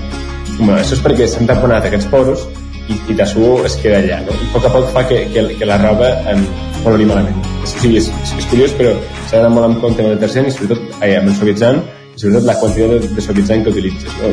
Com menys, eh, millor. Eh, I després la tercera cosa són els, els, detergents que tenen químics agressius. Eh, si tens... Eh, ja, ja no parlo de pele ni, ni tal, però llana, teixits així més delicats, eh, com tot, no? com, com qualsevol detergent, els ingredients que porten poden ser més agressius o menys agressius. No? Poden venir de petroli o poden venir d'altres fonts. Aleshores, aquí és on realment la, la raó es desgasta si no anem amb cuidado amb quin tipus de detergent fem servir. Serien com els tres punts no, de, que avui en dia la gent hauria de tenir en compte. No? El, la quantitat de detergent, eh, el suavitzant i sobretot la quantitat de suavitzant i el, el tipus, els ingredients que hi ha dintre d'aquest detergent. Mm -hmm. I com les coses. De, de quina manera afecten els, el, el detergent habitual que podem fer servir en el nostre ecosistema? Bueno, clar, d'entrada, els, òbviament, aquests eh, detergents porten químics, al final no, la, la, la matèria prima d'aquest detergent, no, el que neteja es diuen tensioactius. Aquests tensioactius doncs, hi ha de, de diferents tipus i el que fan és que cada tensioactiu és, és bo per un tipus de taca i van a buscar aquesta taca i diguéssim que, que, que la treuen de lo que seria la, el teixit no? I aleshores aquests tensioactius poden venir d'orígens de petroli o poden venir d'orígens naturals, no? d'orígens vegetals. Aleshores, és més barat l'origen de petroli i la majoria de detergents utilitzen això. No? Entre altres coses, a més d'ingredients de, de relleno que porten, això un cop ho, ho rentes acabes al mar. I diguéssim que eh, afecta bastant al, al medi aquàtic. Aquesta és la, la part de, de l'oxigen del detergent. Després està l'altra part, que a mi és el que, el que em va semblar més poc i el que ens va portar a començar tot l'informe a aprendre, que és que només el 20% de les botelles de plàstic de detergents es reciclen. El resto acaben amb, només el 20%. Sí, amb marge abocador, exacte. És a dir, encara que tu utilitzis el contenidor groc, ja no és que la gent no faci les coses, que simplement per la naturalesa del tipus de plàstic, per el pringós que està el detergent i tal, no val la pena reciclar. No val la pena. Des d'un punt de vista mediambiental sí, no? però des d'un punt de vista econòmic no els hi val la pena. I el que fan és que o el tiren a abocadors o l'empaqueten i l'envien a altres països on la legislació per soltar-los al mar és més laxa. Oh. Aleshores aquest és una mica... És a dir, o, o se'n desfan aquí a abocadors o els envien a un altre país perquè se'n desfacin ells. Són els, els problemes que hi ha amb el plàstic, sobretot de les botelles de tercers. No? I aquí va ser quan, quan fa dos anys, amb, amb el David, el meu soci, vam, vam veure un reportatge d'això ens vam donar compte de, de la gravetat de l'assumpte. I, i bueno, jo crec que afecta molt no? al, al nostre medi, al nostre medi ambient, sobretot, i al nostre ecosistema, tot el tema de, del plàstic i del tercer. Comentaves també que el, els que venen de petroli, suposo que són més, més econòmics, eh, vist així, d'alguna manera, com es pot fer per uh, ser, no, no arruïnar-nos d'alguna manera, estalviar i alhora protegir la roba, que també ens deies al, al, principi de tot doncs això, no? que molts químics afecten les nostres peces i a més a més ser sostenibles. És complicat, eh? És, és, és complicat. és que ho vull tot, no? Jo ho vull tot. I... Ja, exacte, exacte. I, i, això, I això és el que volem. O sigui, nosaltres és, és el que hem intentat fer i és el que intentem fer des de Natulim, no? O sigui, al, al final tens, tens aquest tema de dir, bueno, a veure, la, la, la, la resposta ràpida és tallar marges des de la part de l'empresa. Una, és una resposta ràpida i, i fent venda directa. No? És a dir, com aconsegueixes que hi hagi bons ingredients de qualitat, que, que protegeixi la roba i la renti i que no sigui car? Tallant intermediaris, bàsicament. O sigui, en comptes de vendre a un distribuïdor o vendre a un supermercat que t'ho ven a tu, tens una web la nostra, vas a la web i ho compres. No? Diguéssim que és, és, és l'única forma que tens realment d'afegir d'aquests aquests requeriments i no enfonsar-te amb un preu caríssim. No? Um, jo crec que bàsicament la resposta passa per comprar directe educació de qualitat. Llavors es tracta d'alguna manera, però a més a més entenc que estalviant-nos aquests distribuïdors entren altres coses en joc. Per exemple, tu ens parlaves del, del packaging, d'alguna manera, el, el, aquest envàs que, va, que, va, que, que no és recicla, reciclable o és en molt petita part. Eh, no sé, en el vostre cas, per exemple, amb Naturim, com, com heu fet o, com, o com, quins envasos recomanes per, per poder solucionar una mica això? Exacte. Bàsicament, no volia fer molta publicitat, però explica una mica com, com és el format de Naturim per, per donar una mica Aprofita de, que estàs aquí i explica'ns tot. De context als oients, això mateix, Maria. Bàsicament, el, el, el, el tercer tradicional té un 90% d'aigua. Vale? I, I aquesta aigua, que es mou amunt i avall, no té cap sentit moure-la. Ocupa espai, eh, genera CO2 al transport i fa que sigui pesat i voluminós. No? I el que vam trobar és vam dir, bueno, vam, vam, vam, anem a intentar fer aquest detergent deshidratat. Anem a fer un procés per, per treure l'aigua i, i el que ha quedat és una espècie de, de fulla, una fulla de... Seria visualment seria semblant a una tovallita, una tovalloleta tota la vida, l'únic que es desfà, és biodegradable i quan entra en contacte amb l'aigua es desfà i es torna sabó. La gràcia d'aquest format sòlid és que aleshores ho podem ficar en una capseta de cartó compostable i, eh, i bàsicament, clar, això pues, el que passa és que t'arriba la bústia, que et deia, no? no cal anar a comprar-ho a lloc, t'arriba la bústia i quan t'has gastat les tires i l'has acabat, aquesta caixeta, pues, si fas compost a casa, pots fer compost, o la pots tirar orgànica o la pots tirar al, paper i al cartró, no? però t'assegures que reciclarà no? i que no hi haurà aquest problema amb, el plàstic que es genera amunt i. Llavors, òbviament aquest és el, el, el gran punt també de valor que té Naturim, no? de que pues, no genera residus de plàstic. I a, a nivell de, una que era la possibilitat de que, de que amb els químics habituals que tenen els altres detergents després malbé la roba, uh, de, de, de, de què, què trobem dintre d'aquesta tovalloleta, per dir d'alguna manera, a nivell de... Com, com es renta la roba si no és amb químics? Exacte, no, no, els tensioactius, els químics aquests, hi són iguals, vale? i, i l'únic que són molt menys abrasius, perquè venen d'origen vegetal i bàsicament el que fa és que tenim tires i tires de clients, tires i tires de clients que ens diuen, escolta, em sortien ronxes amb el detergent tradicional, pensava que era normal, no? pensava que els detergents havien de ser així, amb vosaltres no funciona. I això, aquests missatges a mi em flipen. Jo, quan rebo un correu d'aquests, ja, ja em fa el matí. Tot allò, com pensa, els problemes de sempre tens un problema i dius, hòstia, quin problema que tinc, reps un com aquest, se't, se't compensa el dia, no? Però, bàsicament, sí, el que vam dir és, bueno, anem a mirar quins són els ingredients que, que hi ha en les tradicionals i quins són els ingredients que, que podem treure, quins són els que podem canviar.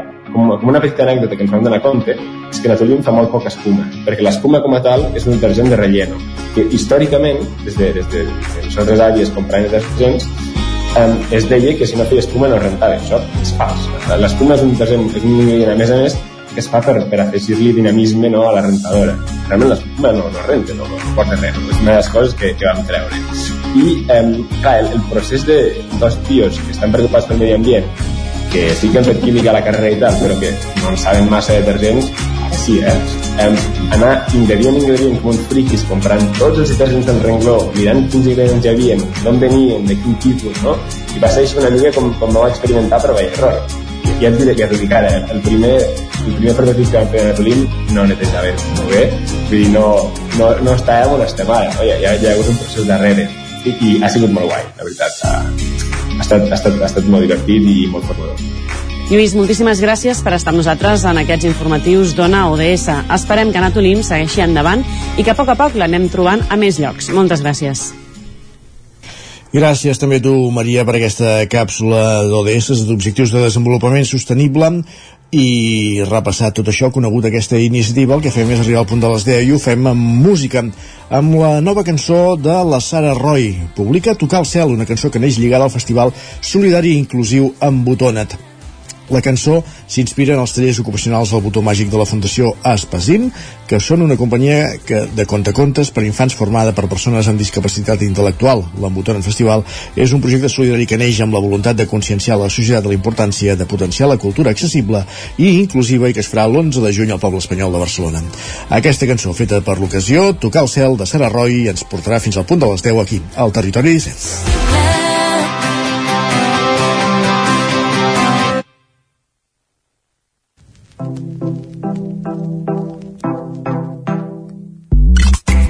Calcula bé què ve després, pensa-t'ho bé que si no és per pur...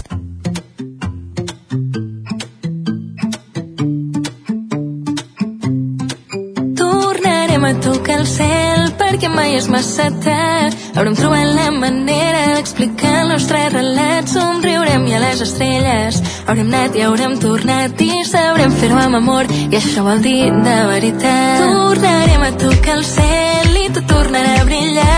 Avui celebrem la vida i el demà serà un regal que el futur ens tingui ganes. Que la por ja l'hem vençut i els problemes que guardàvem ara el vent ja se'ls endú. I no, no descobrirem camins sense perdre'ns abans i saber que tu i jo sempre cantarem històries que hem plorat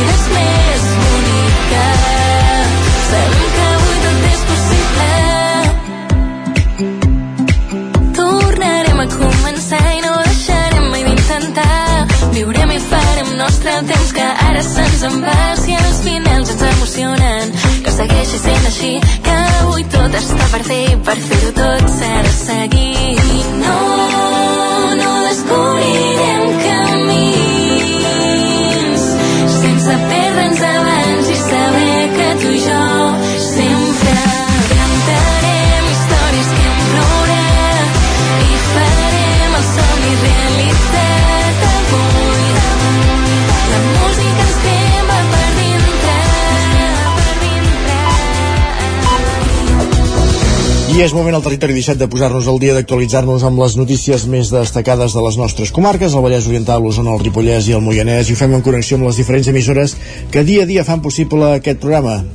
Ona Codinenca, Ràdio Cardedeu, la veu de Sant Joan, Ràdio Vic, el 9FM, i també ens podeu veure, ja ho sabeu, a través del 9TV, Twitch, YouTube i la xarxa més. Avui, dia que s'han tancat les candida... s'han fet públiques les candidatures que concorreran a les eleccions del 28 de maig, obrim aquest segon bloc informatiu amb informació electoral.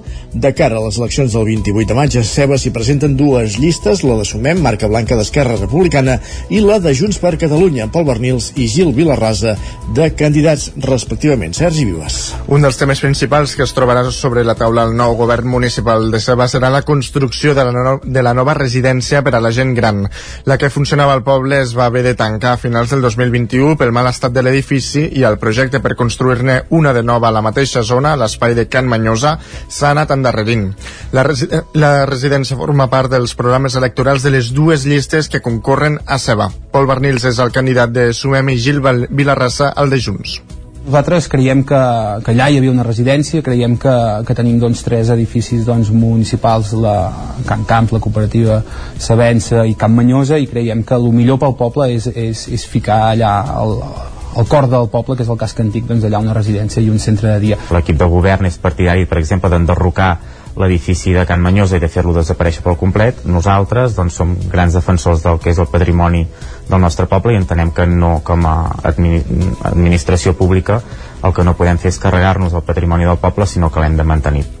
Pol Bernils, ara primer tinent d'alcalde i regidor d'Esports i Comunicació, es posa al capdavant de la candidatura de Sumem. El fins ara grup d'Esquerra opta per la marca blanca del partit i incorpora membres del grup independent Gent per Ceba, amb qui ha compartit govern aquest mandat. Gil Bellarrassa, per la seva banda, opta a l'alcaldia per tercera vegada. Els dos eh, mandats que porta el consistori ha estat a l'oposició. Tant Bernils com Vilarrassa aposten per suavitzar les tensions que sovint hi ha hagut entre els dos grups. Jo crec que les dues parts potser hem de fer un, un toc d'empatia, no? un toc de, d'empatia i intentar doncs, eh, entre tots doncs, intentar que, que el poble continuï com, com fins ara. Si jo tinc la sort de poder governar el meu poble, el primer que faré és a dir, estendre la mà a l'oposició per poder treballar conjuntament, si més no, amb aquells projectes que són projectes de poble, que són projectes de futur, el programa electoral de Sumemi destaca la modernització dels Roures Parks i la xarxa d'aigua, la reurbanització del carrer Bonaire o la seguretat.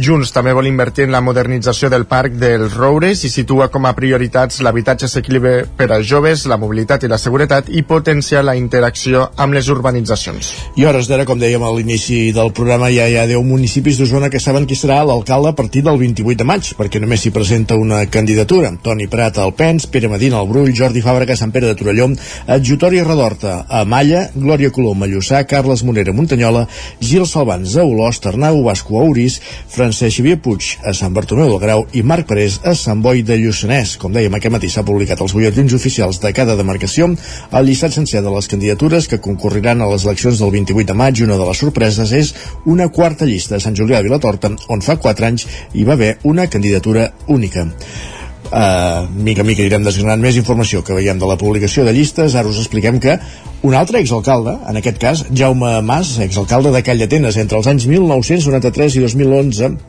torna a l'esfera política com a candidat de Compromís per Call d'Atenes a les eleccions municipals del 28 de maig, una llista independent a través de la qual optarà el seu sisè mandat, Sergi. Mas va ocupar l'alcaldia de Call d'Atenes durant 19 anys sota les sigles Esquerra Republicana, un partit on encara milita. L'any 2011, la llista que encapçalava va guanyar les eleccions, però un pacte entre Convergència i Poble en Marxa els va enviar a l'oposició. A mig mandat, Mas va decidir renunciar a l'acte de regidor. Això el va portar també a acomiadar-se del Consell Comarcal d'Osona, un ens que va presidir del 2003 al 2007. Després d'uns anys apartat de la política, Mas assegura que en aquests moments el poble es pensa molt en el dia a dia, però poc en el futur. Maria Carme Torné, Cristina mm, Trascanos i Pilar Jiménez l'acompanyaran als llocs més alts de la llista. Els objectius de compromís per Caldetanes són, d'entrada, millorar la qualitat de vida del veïnat i resituar el, el mapa eh, del poble. També volen donar resposta als reptes que el municipi haurà d'afrontar en els propers anys en matèria de sostenibilitat energètica, d'habitatge o d'envelliment poblacional. Més qüestions, acció. El Departament d'Acció Climàtica demana aturar el cobriment de la bassa de Llinàs per avaluar si convé conservar-la. Pol Grau, Ràdio Televisió Cardedeu. El Departament d'Acció Climàtica ha demanat l'aturada dels treballs de reompliment de terres de la bassa de la Bòbila Llinàs per revaluar el valor ecològic que pot tenir. Els nous estudis han de determinar si cal modificar l'ús de l'espai i que la seva recuperació es faci cap a la conservació de la bassa. La decisió es va comunicar dijous als membres de Salvem la Bassa, que des de dilluns de la setmana passada estan acampats en aquest espai i ja van aconseguir no es fessin més embocaments a terra a l'interior de la bassa, que s'havien previst per restaurar aquest antic punt d'extracció d'àrids. La mobilització per salvar aquesta bassa va començar uns mesos, quan es va denunciar que s'estava tapant amb terra. Des de llavors, s'han fet diverses accions per donar a conèixer el valor que té. A criteri de la plataforma que han impulsat la coordinadora per a la salvaguarda del Montseny, el Gaig i la coordinadora de Llinàs, i ha sumat el suport de diverses entitats i veïns. A més, s'han aprovat mocions als plens de Llinàs i Vilalba per demanar que es preservi aquest ecosistema amb aigua permanent. També està previst que ho faci el ple de Sant Antoni. Més qüestions, Torelló cedirà un terreny entre el carrer Puig de Salí i l'Avinguda Pompeu Fabra a l'Institut Català de la Salut per possibilitar l'ampliació del centre d'atenció primària, el CAP. De fet, el terreny que se cedeix és el que ocupa actualment l'aparcament del mateix CAP, Sergi. Es tracta d'un terreny on actualment hi ha l'aparcament per on ha de créixer l'edifici, que tal com informàvem fa uns dies també incorporarà serveis d'atenció intermèdia. Es preveu que les actuacions estiguin enllestides per d'aquí a dos anys. Al ple el PSC, que aquest mandat havia presentat una moció per l'ampliació i va entrar una resolució al Parlament Parlament i Junts van reivindicar les seves aportacions. Escoltem a Roser Roma del PSC i Jordi Rossell de Junts. Havien treballat les esmenes eh, des d'aquí a Torelló i quan van arribar a, a la Generalitat hi havia un acord que nosaltres vàrem fer, que hi havia el primer punt, que era la realització del projecte i dotar el CAP de més professionals i aquí tots els grups hi van votar a favor. Sí que trobem de mal gust que el senyor alcalde, una vegada aprovat al Parlament, va córrer a fer-se una foto amb el conseller i es va dirigir a la premsa obviant per complet la feina feta pels grups del PSC i de Junts. L'alcalde Marcel Ortuño va recalcar que tot suma però que ells també han de fer els deures. El que es pugui fer per tirar endavant aquest projecte s'ha de fer en el en el terreny que cadascú cregui convenient que, que s'ha de fer eh, hem manifestat també que eh, una proposta de resolució eh, en el Parlament avança el que avança i que en canvi el que doncs, eh, va poder concretar el projecte de d'ampliació del CAP i sobretot la fórmula amb què s'ampliarà és el treball que hem anat fent eh, des de l'Ajuntament que és on eh, nosaltres hem vingut a, a treballar. Una proposta que va ser aprovada per unanimitat en el ple de l'Ajuntament d'aquest dilluns. Més qüestions. Deixem enrere el ple de Torelló. Protecció Civil durà a terme un simulacre d'emergència aquest dijous al Ripollès, de fet, a tota la demarcació de Girona i a la de la Catalunya Central. Isaac Muntades des de la veu de Sant Joan. Des del passat mes de febrer, Protecció Civil està duent a terme simulacres arreu del territori català per provar el nou sistema d'alertes per mòbil que es posarà en marxa en cas d'una emergència. A la província de Girona i a la Catalunya Central, el simulacre es farà aquest dijous en unes hores predeterminades. En concret, el missatge arribarà als mòbils dels ciutadans del Ripollès entre les 11 del matí i la 1 del migdia. Gerard Moles, de Protecció Civil a Sant Joan de les Abadeses, explicava que ja els van fer una sessió prèvia des de la Direcció General de Protecció Civil a Catalunya per explicar-los com funcionaria aquest sistema i detallava què passarà en aquest interval horari de dijous. El nostre mòbil començarà a sonar i a la pantalla, sense desbloquejar, sortirà un missatge que ja ficarà a Protecció Civil de Catalunya informa que es tracta d'un simulacre. I seria com unes pautes a seguir de lo que passarà. Que tot, sobretot que la gent estigui tranquil·la i que llegeixi el missatge en, en qüestió de tot el que s'explicarà en aquell missatge. Vale? Que això en un futur, i si hi hagués un... Si, per exemple, si Sant Joan o la comarca s'hagués de confinar per X motiu, un incendi o qualsevol cosa, aquesta alerta així s'assegura que arribi mm. el missatge a tota la població. Farà com amb un so una mica estrambòtic, serà un so fora del que ja tenim definit en el mòbil, i el mòbil fins que no el, to ah, fins que no el toquis no pararà de sonar-te. Aquest missatge arribarà sempre que la persona en qüestió tingui cobertura mòbil, només una vegada i se sentirà encara que el mòbil estigui en silenci. A més a més, com que a la Generalitat li interessa saber com funciona la prova, obriran una enquesta per conèixer l'opinió de la gent, preguntes sobre si s'ha rebut bé el missatge o a quina companyia telefònica pertanys, ja que en altres simulacres van detectar punts foscos i gent de determinades companyies que no ho havien rebut. Aquest avís serà una informació complementària dels altres canals d'informació com el Twitter, la resta de xarxes socials o la televisió. En aquest cas, diversos membres de Protecció Civil de Sant Joan es passejaran per llocs estratègics del poble on s'acumuli gent per veure quina és la seva reacció i si tenen pànic. Cal destacar que les persones que no tinguin un smartphone no rebran el missatge. Els telèfons Android que tinguin instal·lada la versió 11 en endavant i el mateix en els iPhones des de la versió 14 ja estan configurats per defecte. Si no, a la pàgina web del Departament d'Interior hi ha un apartat que explica com s'ha de configurar cada model. Gràcies, Isaac. Més qüestions?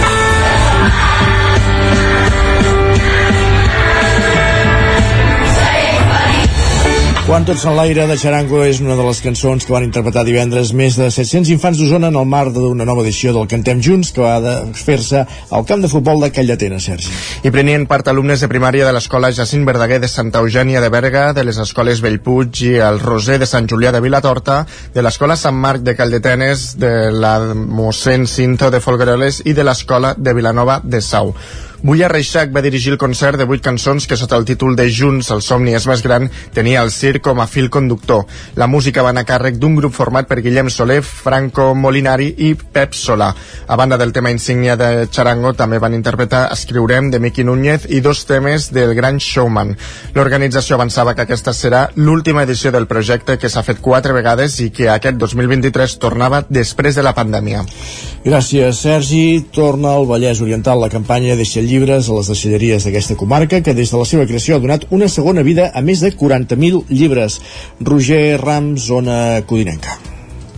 Sí, en aquests dies en què els llibres són l'objecte estrella a la majoria de llars del país, des de l'empresa Serveis Ambientals del Vallès Oriental, gestora de les deixalleries tant de Sant Feliu com dels pobles del voltant, han tornat a dur a terme la campanya Deixa llibres. Aquesta iniciativa consisteix en un punt habilitat a les deixalleries on s'hi exposen llibres que la gent ha aportat i que es poden agafar gratuïtament per tal de donar-los una segona vida. Albert Camps és el president del Consorci de Residus del Vallès Oriental.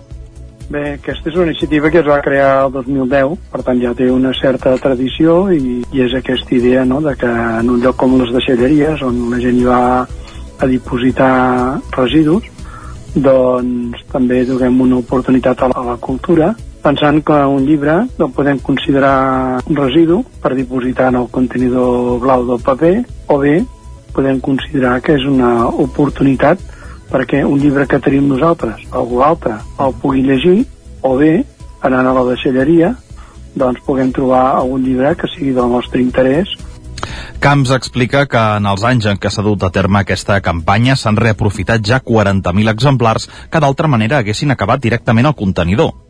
Bé, ara fèiem balanç i, les xifres són, són, jo penso, molt encoratjadores, no?, en el sentit de, de, de que aquesta activitat doncs, té, té un públic que, com sempre, pensem que podria créixer i la, i la voluntat de donar a conèixer aquesta activitat és que cada any doncs, hi hagi més usuaris, però des de, la, des de que es va crear calculem que, que hi ha hagut 40.000 llibres no? que, que han format part d'aquest projecte. No?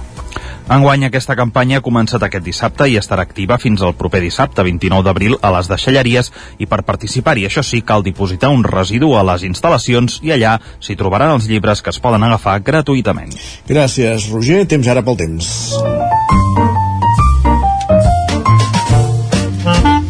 Casa Terradellos us ofereix el temps. I el temps és cosa d'en Pep Acosta. No ens movem d'una codinenca, Pep. Quin temps farà avui? Hola, Què tal? molt bon dia. Aquesta nit eh, es nota aquest matalàs d'aire càlid, les temperatures no han baixat gaire, es fa molta, molta suavitat, i no hi ha manera, no hi ha manera que baixi la temperatura. I ja basta els núvols també, de cada mig aquests núvols desapareixeran bastant, però independentment a la tarda tornaran a créixer. Tornaran a créixer nuvolades cap a zona del Pirineu i pot tornar a ploure. Uh, jo crec que avui seran pluges més intenses, però seran més, més locals. I la comarca avui on més pot ploure és cap al Ripollès. allà es poden acumular uns 15-20 litres. Serà una molt bona notícia el capçaler del Ter aquestes precipitacions, eh, tot i que ja dic eh, no serà una pluja molt intensa ni molt extensa, que és el que volem. Les temperatures avui eh, també altes, la majoria màxima entre els 22 26-27 graus, eh? eh? Molta suavitat, molta suavitat al migdia, un ambient molt, molt agradable, eh, fins una mica càlid. I això és tot, a disfrutar el dia d'avui, un dia setmana d'ahir, ambient càlid i una petita tempesta a la tarda, avui que afectarà sobretot cap a la zona del Ripollès. Moltes gràcies, adeu. Casa Tarradellas us ha ofert aquest espai. I del temps cap al territori sostenible. Perquè continuem el capítol iniciat la setmana passada, continuem la sèrie iniciada la setmana passada per en Jordi Givert sobre aquest projecte de planta depuradora a Santa Maria d'Oló, al Moianès. La setmana passada vam parlar amb un grup de veïns opositors i avui toca escoltar una altra veu. Jordi Givert, benvingut una setmana més al Territori Sostenible.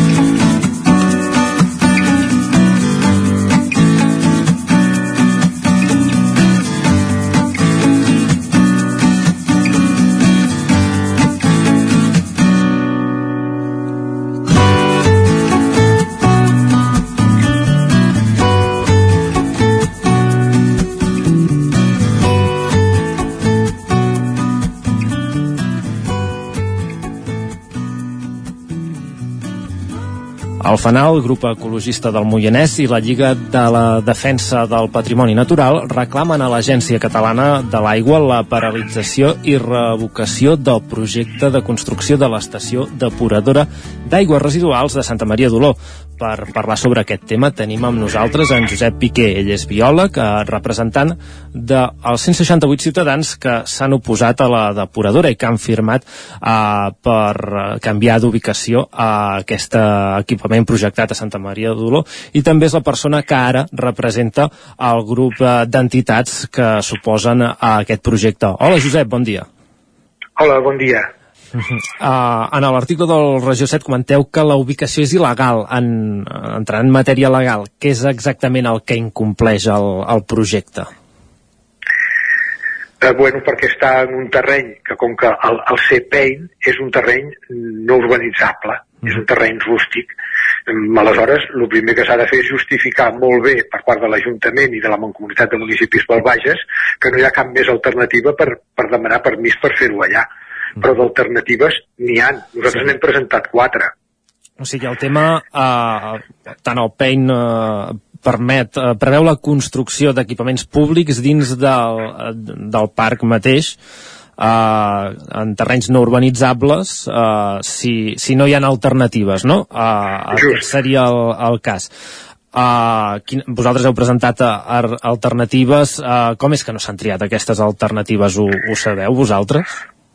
Bé, no, no nosaltres... Plantejat... Clar, o... no han tingut temps, no han, no han tingut temps. O sigui, a, a nosaltres el que podem dir és que durant aquests 11 anys no se'ns ha preguntat mai res. Això sí que es pot dir. Jo, jo tampoc eh, crec que hagin de preguntar si no volen. Diguéssim que ells s'han assessorat aquests organismes o aquests ens i, i han decidit. Mm, diguéssim que com que no se'ns ha preguntat, nosaltres no hem, no hem pogut dir quines alternatives podíem considerar millors en termes mediambientals. Però ara, quan s'ha posat a exposició pública, sí que l'administració pública pregunta a tots els ciutadans i a totes les entitats que vulguin que diguin el que opinen d'allò i que puguin presentar al·legacions. I això és el que ara hem fet. Les hem presentat el 6 d'abril, el 6 de març, perdó, i el que ara, a partir d'aquesta data, doncs, quan ho considerin, ho revisaran i, i decidiran eh, si, què es vol fer, si es paralitza el projecte i se'n fa un de nou, si es refà aquest o el que es consideri s'haurà de dir eh, en, els, en els propers temps. Vosaltres presenteu, ens comentaves ara, que presenteu alternatives a la ubicació de la depuradora, que, que actualment està projectada dins del Peina a la Riera de, a, en un tram de la Riera d'Olor. Vosaltres, qui, quina és l'alternativa que, que, esteu, que presenteu? Me n'has comentat que en presenteu fins a quatre, no? Sí, nosaltres, eh, amb els dies que vam tenir per poder-hi treballar, i tot i sabent que representen dificultats econòmiques pels ajuntaments, però que s'han de, han de mirar de, diguéssim, d'estar per sobre i, i salvaguardar els valors ambientals que tenim ja preservats, doncs en presentem una com a més, una la més viable eh, en termes mediambientals, que és ubicar-la a la part del darrere del cementiri d'Olor, el que seria la capçalera del torrent d'Altimides. D'aquesta manera, les aigües, un cop netejades, doncs, eh, eh, circularien pel torrent d'Altimides, que és un tributari de la Riera d'Olor, i anirien finalment a parar a la Riera d'Olor i hi haurien altres tres, que si aquesta, per les raons que sigui, no es pogués fer, és que s'ubiqués la depuradora a tocar de la Riera d'Olor, però fora de l'espai Pain. Hi ha diferents, hi ha fins a tres espais que són en la zona on hi ha doncs, eh, la, la, la fàbrica Sauleda propera d'aquella zona on eh, doncs, la carretera de la Salada puja cap a dalt la serra que es podrien ubicar aquestes depuradores però a més a més el que sí que proposem per la pròpia gent que viu a Olor, pels visitants, és que la depuradora sigui tancada. Eh, no que emeti eh, tots els gèrmens entre els quals n'hi ha de patògens que poden causar mm, inconvenients a la població eh, i que els alliberen a, a l'aire, sinó que es tanqui en un edifici tancat de manera que els fangs es puguin retirar i portar a una altra zona fora del municipi d'Oló a tractar, de manera que la gent tingui unes garanties de salubritat en l'entorn en el que està vivint, que és el, el, el mateix poble o les rodalies del poble. Per tant, es proposa un edifici tancat que, que inclogui l'extracció regular de, dels fangs.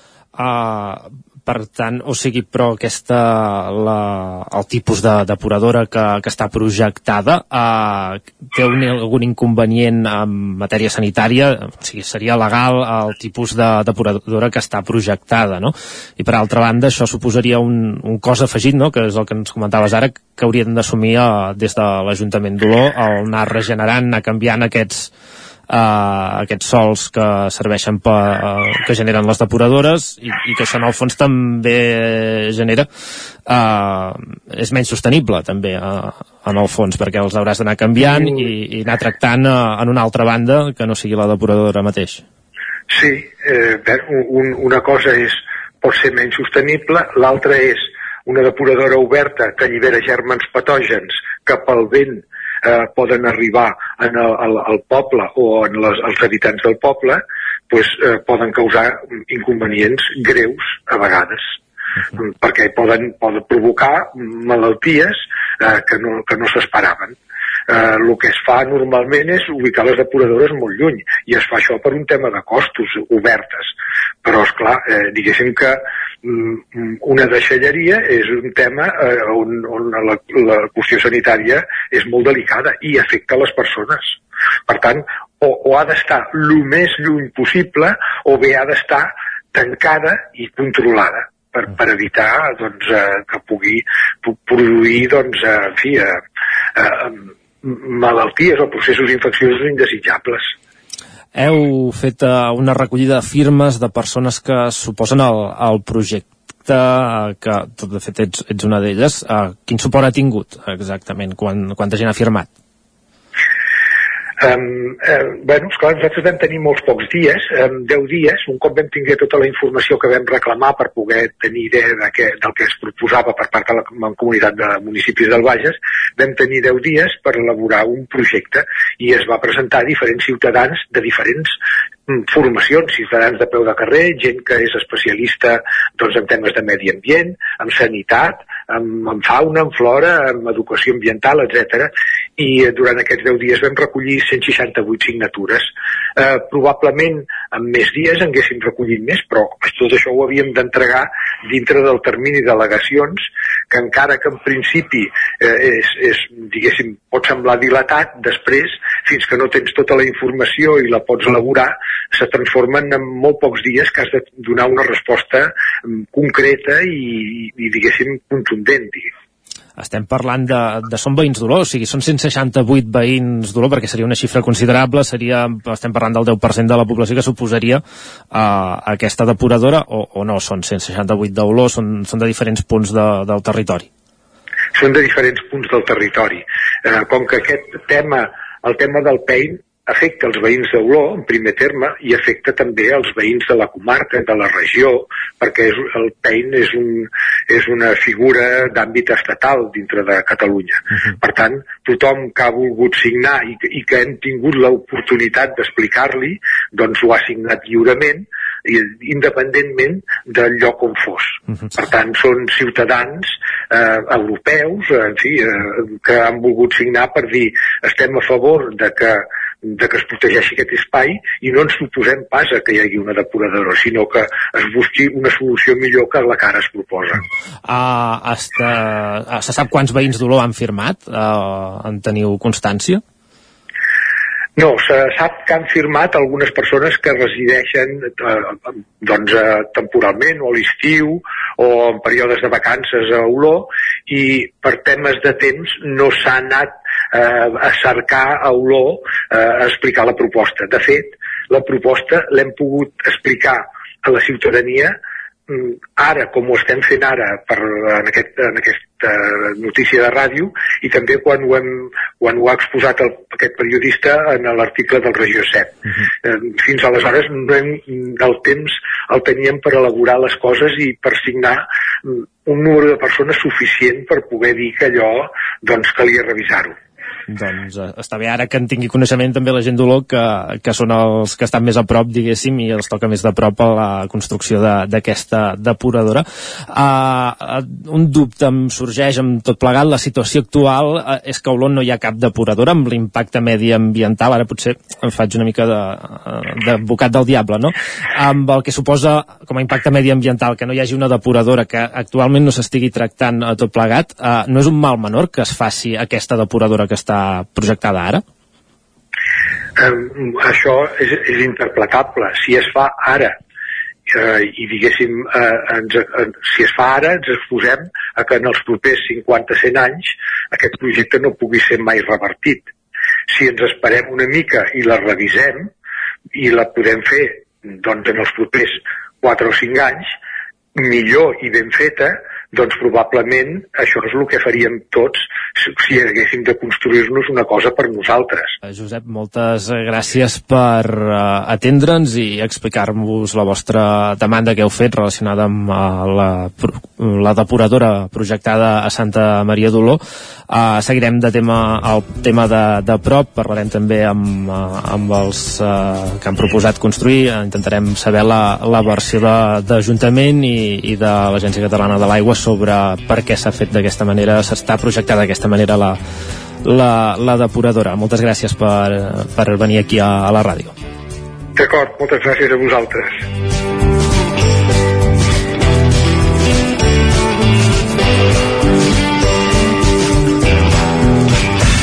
El nou FM, la ràdio de casa, al 92.8. A Boi Galtés trobaràs tot el que necessites relacionat amb l'equitació, t'assessorem i t'equipem amb tot el que et faci falta. Som especialistes. No ho dubtis i vine a Boi Galtés. Ens trobaràs al carrer Jaume I de Vic, número 5, al 93 886 1420, a la nostra web www.boigaltés.es i també som a Instagram boigaltés.equitació. Bon dia, us truco del servei tècnic oficial de Bailand. Hem detectat que la pressió de la seva caldera està baixant. No me n'havia adonat. Com es pot solucionar? Ho resoldrem en uns minuts. No espereu més. Amb el servei de manteniment ServiPlus Connect de Bailand, preocupeu-vos del que realment importa. Nosaltres ens encarreguem de la vostra caldera. Informeu-vos a connectivitat.bailand.es. Per moure't, lloga un cotxe ALR. Per moure la família, lloga un minibús ALR. Per moure coses, lloga una furgoneta ALR. Per moure la casa, lloga un camió ALR. Lloguer de cotxes, furgonetes i camions ALR. Ens trobaràs al carrer Francesc Sant Climent 83 de Vic i també a Olot i Manresa. Informa't en el 93 888 60 57 o bé consulta el web alr.cat. Ser a prop vol dir veure les coses més bé. Apropa't al que t'interessa amb la xarxa Més. La teva plataforma audiovisual de qualitat, proximitat i gratuïta. Gaudeix dels continguts de més de 30 televisions locals i podcast quan, com i on tu vulguis. Entra a la xarxa més.cat i descarrega't l'app. Cocodril Club. Si t'agrada la bona música dels anys 60, 70 i 80, escolta el 9 FM als matins de dissabtes i diumenges d'11 a 1. És el temps del Cocodril Club, tot un clàssic de la ràdio, amb les bases del pop-rock, les llegendes, les cançons que s'han convertit en autèntics himnes. Recorda, dissabtes i diumenges al matí, d'11 a 1, al 9 FM 92.8. Cocodril Club, el programa revival de l'Albert Malla. Hasta luego, Bon dia, són les 9 al Territori 17. La Miquel Parella. Cada matí i durant dues hores t'acompanyem i et posem al dia de l'actualitat de casa nostra. Potenciant així l'autonomia Per aquest cas me la peça el si no... Cursos per feminitzar el pensament masculí. Territori 17, el magazín matinal d'Osona, el Moianès, el Ripollès i el Vallès Oriental. Que la meva àvia de 93 el anys... 9 FM, el 9 TV, el 99.cat i també els nostres canals de Twitch i I YouTube. demà per fer-se un tatuatge. Cada matí, Territori 17. Ole. Anuncia't al 9FM. La màquina de casa. 9 3 8 8 9 4 9 4 9. Publicitat arroba al 9FM.cat. Anuncia't al 9FM. La publicitat més eficaç. El 9 FM, el 9 FM, el 9 FM. En punt dos quarts d'onze, al Territori 17.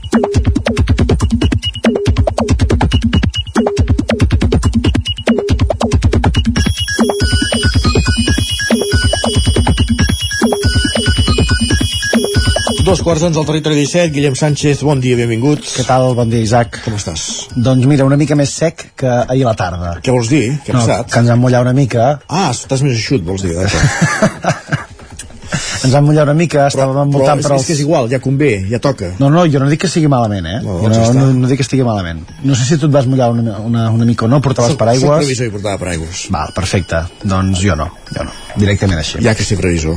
Va, el tema de l'aigua, doncs, com dèiem, eh, cada vegada està eh, més i més eh, preocupant, tot i que hi vagin eh, caient aquests ruixats com el d'ahir, si Oh, però benvi, aquí. benvinguts són, eh? I tant. No omplen rius ni pantans, però si més no per l'agricultura, alguna feina fan. Ara bé, ahir molta gent ja destacava també missatges vinculats amb aquesta situació de l'aigua. Per exemple, l'Aleix que ens deia un país que talla l'aigua als pagesos abans que a gols, piscines i hotels de luxe és un país que ha perdut el nord i les arrels.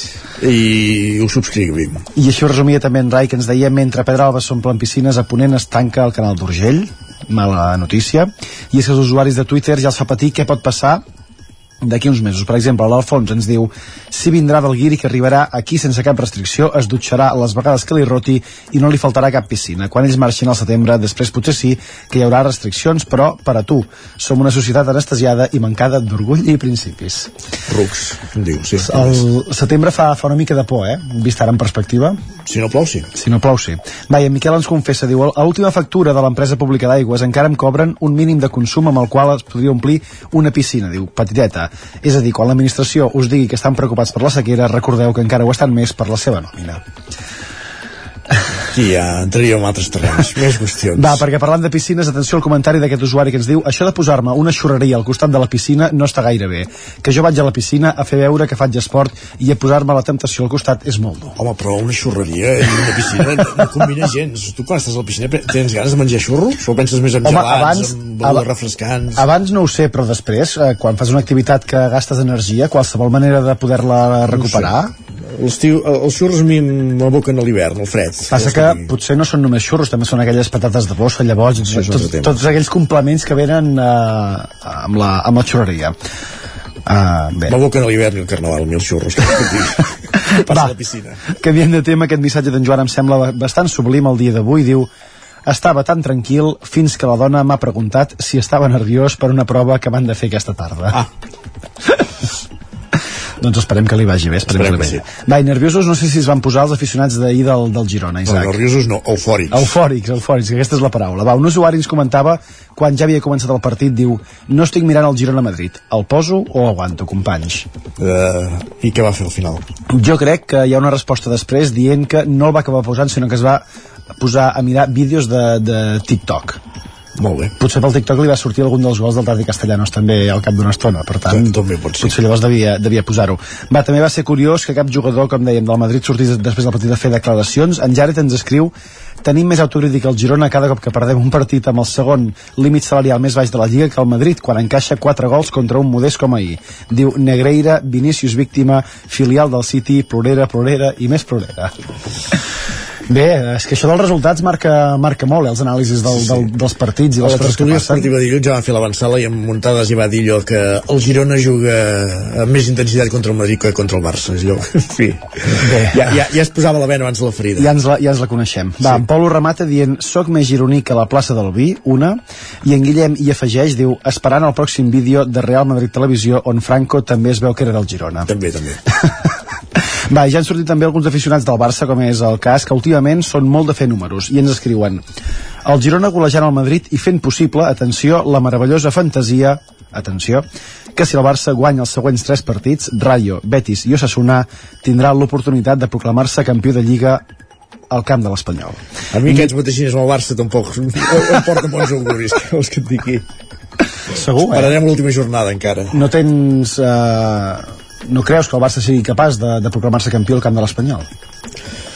Tot és possible, però clar, ja n'hem vist de tots colors aquest any també, eh? I tant, també de, de blanc i blau. Va, i acabem una constatació de l'Anna que ens diu una tòrtora s'ha enamorat del meu balcó amb tanta planta haurà pensat que és el Carib i avui ha aparegut amb la seva parella allà parropejant i fent-se mimos. Diu, ara, ara entenc la frase com dos tortolitos. Igual. Gràcies, Guillem. Va, que vagi molt bé, Isaac. Adéu. Territori 17, el 9 FM, la veu de Sant Joan, Ona Codinenca, Ràdio Cardedeu, Territori 17.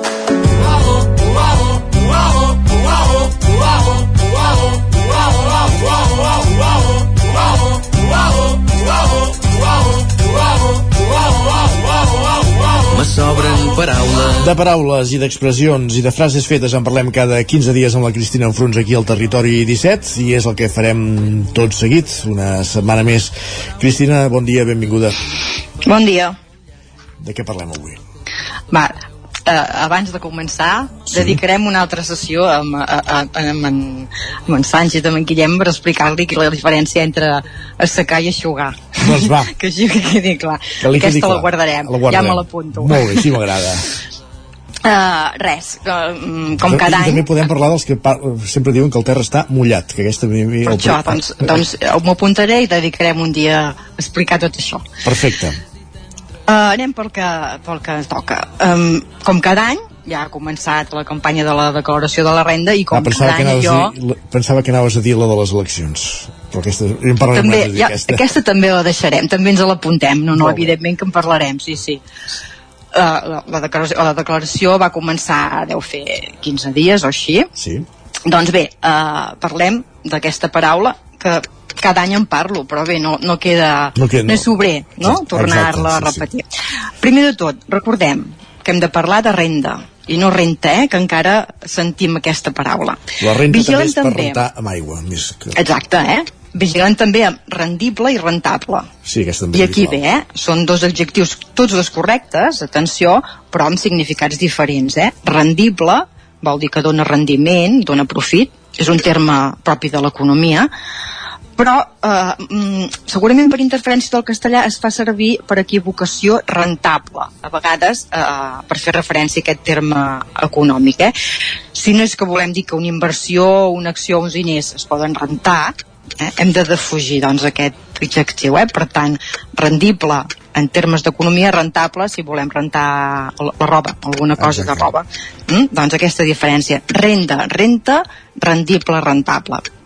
Igualment, dins d'aquesta mateixa família hi ha eh, la rentabilitat. Vigilem també ren, rendibilitat, eh, en català. Per tant, mm, aquí aquests els termes.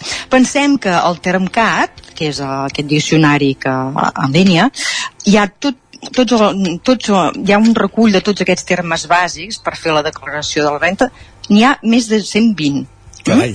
que eh, hi ha les denominacions, la definició en català, els equivalents en castellà, tot està revisat pel Col·legi de Gestors Administratius de Catalunya i per tant doncs aquí podem consultar qualsevol cosa, qualsevol dubte que tinguem. I també hi ha el portal És a dir, aquest que, que presenta la Corporació Catalana, que també fa una tria de tots aquests termes més utilitzats en la declaració de la renda, també ordenats alfabèticament i amb l'equivalent al castellà per exemple, coses que hi trobem el típic aquest, l'acreedor que Creditor. també a vegades el creditor o eh, una de molt, molt usada l'esborrany El no borrador. presentem no presentem un borrador, sinó que presentem un esborrany. I també eh, hi ha temes ortogràfics, com per exemple el típic aquest compte, que aquest, en aquest cas compte és escrit amb MP, compte, comptable, comptabilitat, contràriament podem escriure la MENA o MEMA, però en aquest cas de comptes de- d'economia s'ha d'escriure amb, amb MP. I també, ja que dèiem que va començar l'11 d'abril la, la campanya s'acabarà el 30 de juny, pensem que això no és un plaç. No, Mm? és un sinó termini. Que és un termini. Eh, Isaac, ho saps tot, eh? No, tot no, però aquestes mira me'ls de ser, no sé per què. doncs bé, vigilem aquest plaç, l'hem de I que, retirar del nostre que tampoc s'aplaça, s'ajorna, de fet. Exacte, molt bé, molt bé, molt bé. Doncs bé, quasi bé, doncs. Jo, veus que jo sí que t'escolto, Cristina. doncs bé, bé, aquest he fet un petit repàs de uh, tot així relacionat amb la declaració de la renda que pel qui no ho hagi fet encara pensem que té temps fins al dia 30 de juny. De fer la declaració, de- d'utilitzar De fer la els, d'utilitzar els termes exactes, pot fer-ho des de ja. Pots fer-ho, però i si no, cada any, cada any ho podem anar repetint, eh? També, també. doncs queden clar tots aquests conceptes i com els hem d'escriure i dir i ara si et sembla hi posem música no ens, fa, Vinga. no ens deixem res eh? No, no, bé, hi ha moltes coses per dir, eh? però aquest seria un petit resum de termes.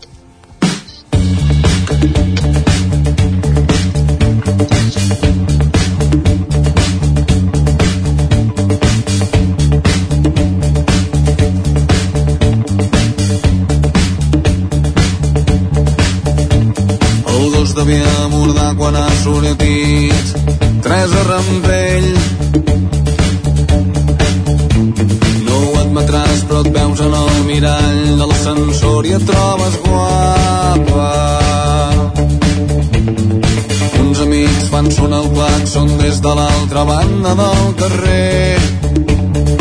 Mm, Sobre un motor accelerant sobre el pont de Vallcarca que soni un rock and roll que baixin les persianes tots els comerciants.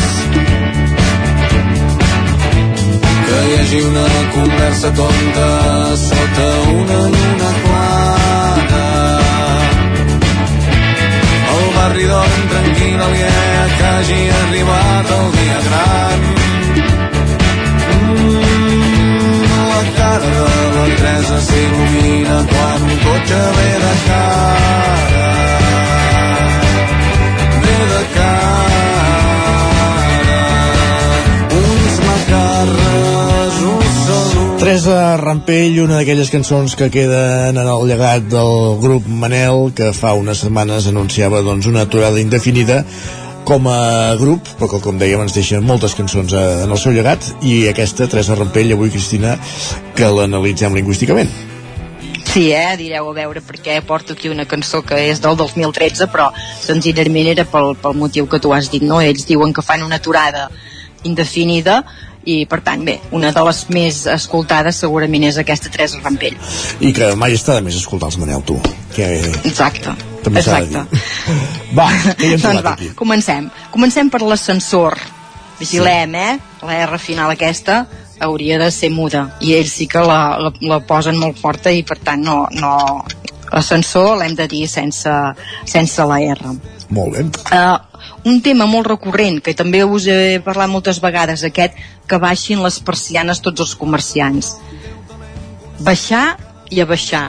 Si els, si els comerciants aquests baixen les persianes vol dir que estan al primer pis i els baixen al segon. Això seria baixar les persianes, eh? Quan és a pujar o a baixar, doncs ho hem de posar eh, que abaixin les persianes. També es nota que aquí els hi faltava la, la A, eh? Sí. Què més? Després diu el barri dorm tranquil aliè a que hagi arribat el dia gran. La construcció aquesta, eh? Uh, el que, eh, allò que, que, en diem, que en diem la caiguda de preposició davant d'infinitiu, eh? És davant de la conjunció que no hi pot anar la preposició, per tant, en aquest cas hauria de ser aliè que hagi arribat. a vegades aquestes eh, construccions ens poden sonar una mica forçades i llavors sí que podem intercalar-hi alguna cosa, eh? podem dir aliè el fet que, per exemple, aliè la possibilitat, bé, aquí segurament que no aniria bé, eh? però traient simplement la preposició ja seria una construcció perfectament correcta, tot i que eh, ja la nova gramàtica diu que aquesta construcció mm, es pot mantenir quan hi ha registres informals per tant, aquí podríem agafar-nos eh? però bé, en principi eh, sintàcticament no seria correcte Llavors hi ha alguna cosa de, de, que són, són paraules no normatives, com per exemple el macarra o el cubata, que aquestes també les hauríem d'evitar, i per últim hi ha una discussió aquí sí. que sona una S sonora i hauria de ser evidentment una S sorda. Discussió, mai discussió. doncs queda... No, discussió, discussió a, me, a més sorda, eh? Entesos. Dues S, eh? Dues S, sí, sí, i no discussió. Exacte. Correcte. Ah, exacte, perfecte. Mm, aquí és una petita mostra del que hi havia aquí a la cançó. Doncs queda a recollir, Cristina. Moltíssimes gràcies i fins a, a vosaltres. Dies. Bon dia. Apa, bon dia. Territori, Territori 17. 17. Territori 17.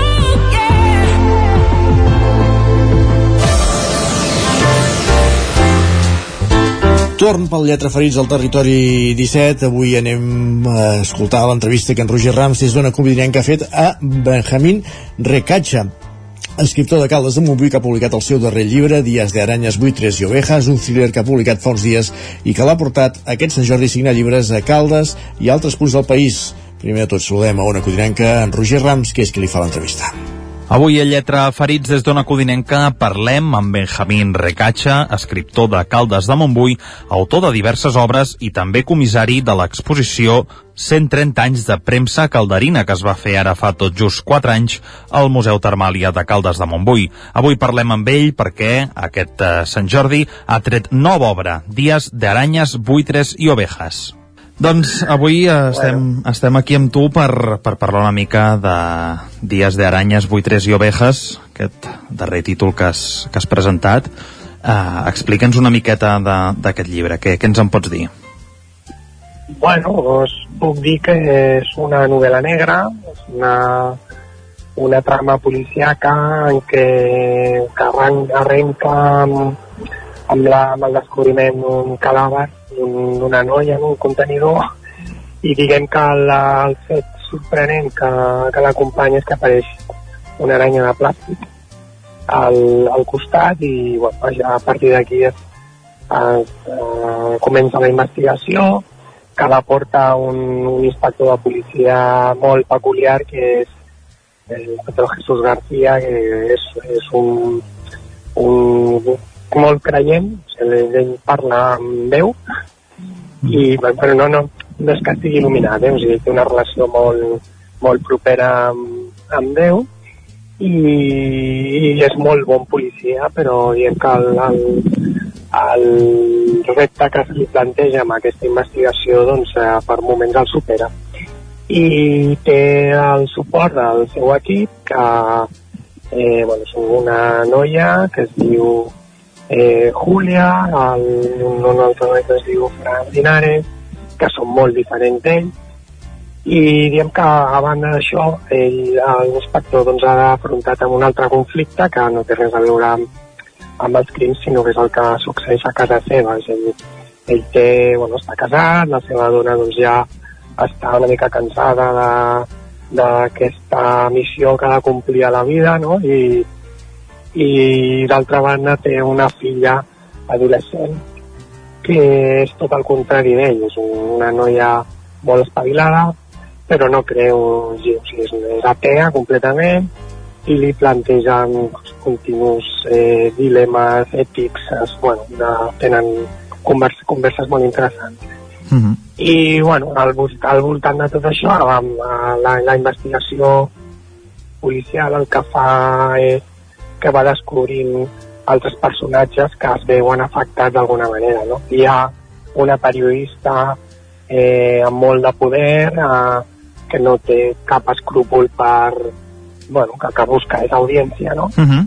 i per d'altra banda doncs, hi ha els polítics que pressionen contínuament per resoldre el cas eh, i, bueno, i, bueno, la societat en general que, que, bueno, que viu enganxada al que està passant i bueno, hi ha aquesta barreja entre la por a, a que no se sap què passarà i el morbo de, de voler saber més, no? Uh -huh.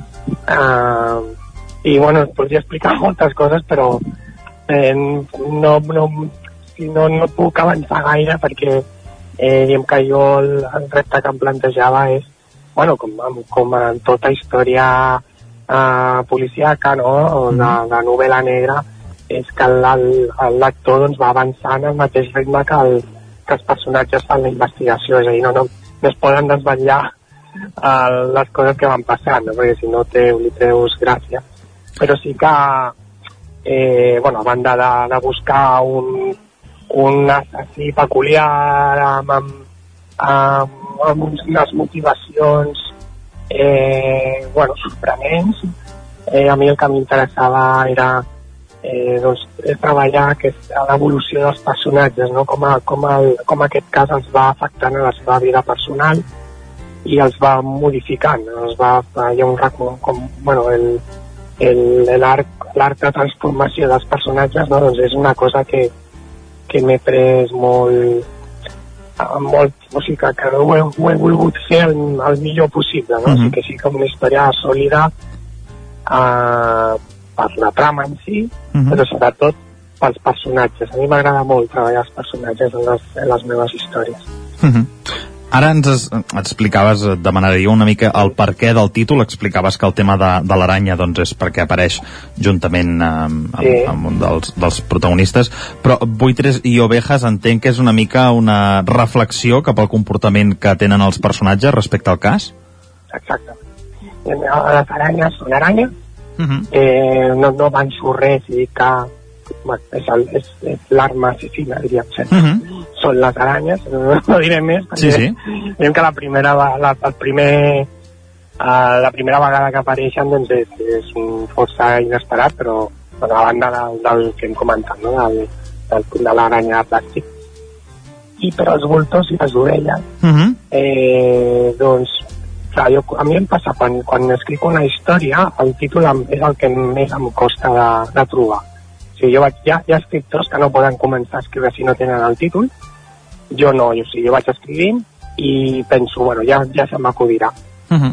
i, i llavors pensant, pensant uh, al final o sigui, no, no, no funciona gaire allò de pensar, o sigui, allò et ve. I un dia, doncs, ja a la part final del, del procés doncs vaig pensar, bueno, doncs què, què passa en aquesta història, amb, amb què, quin, quin títol eh, explicarà una mica el que, el que succeeix sense desvetllar-ho no?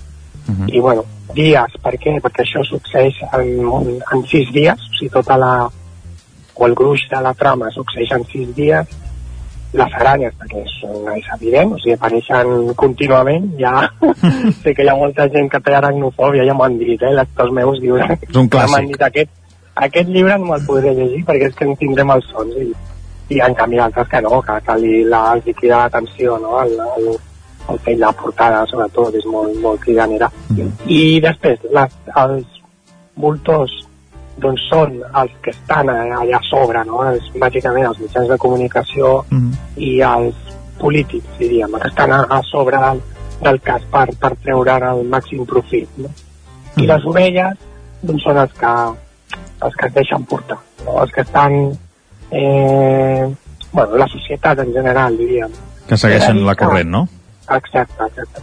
He de dir que no és una història... Sigui, encara que la, la història està ambientada en, en Espanya, o sigui, és una gran ciutat d'Espanya, però no, no l'he no ubicat en cap lloc en concret. És a dir, podria ser Barcelona, podria ser Madrid, podria ser qualsevol gran ciutat.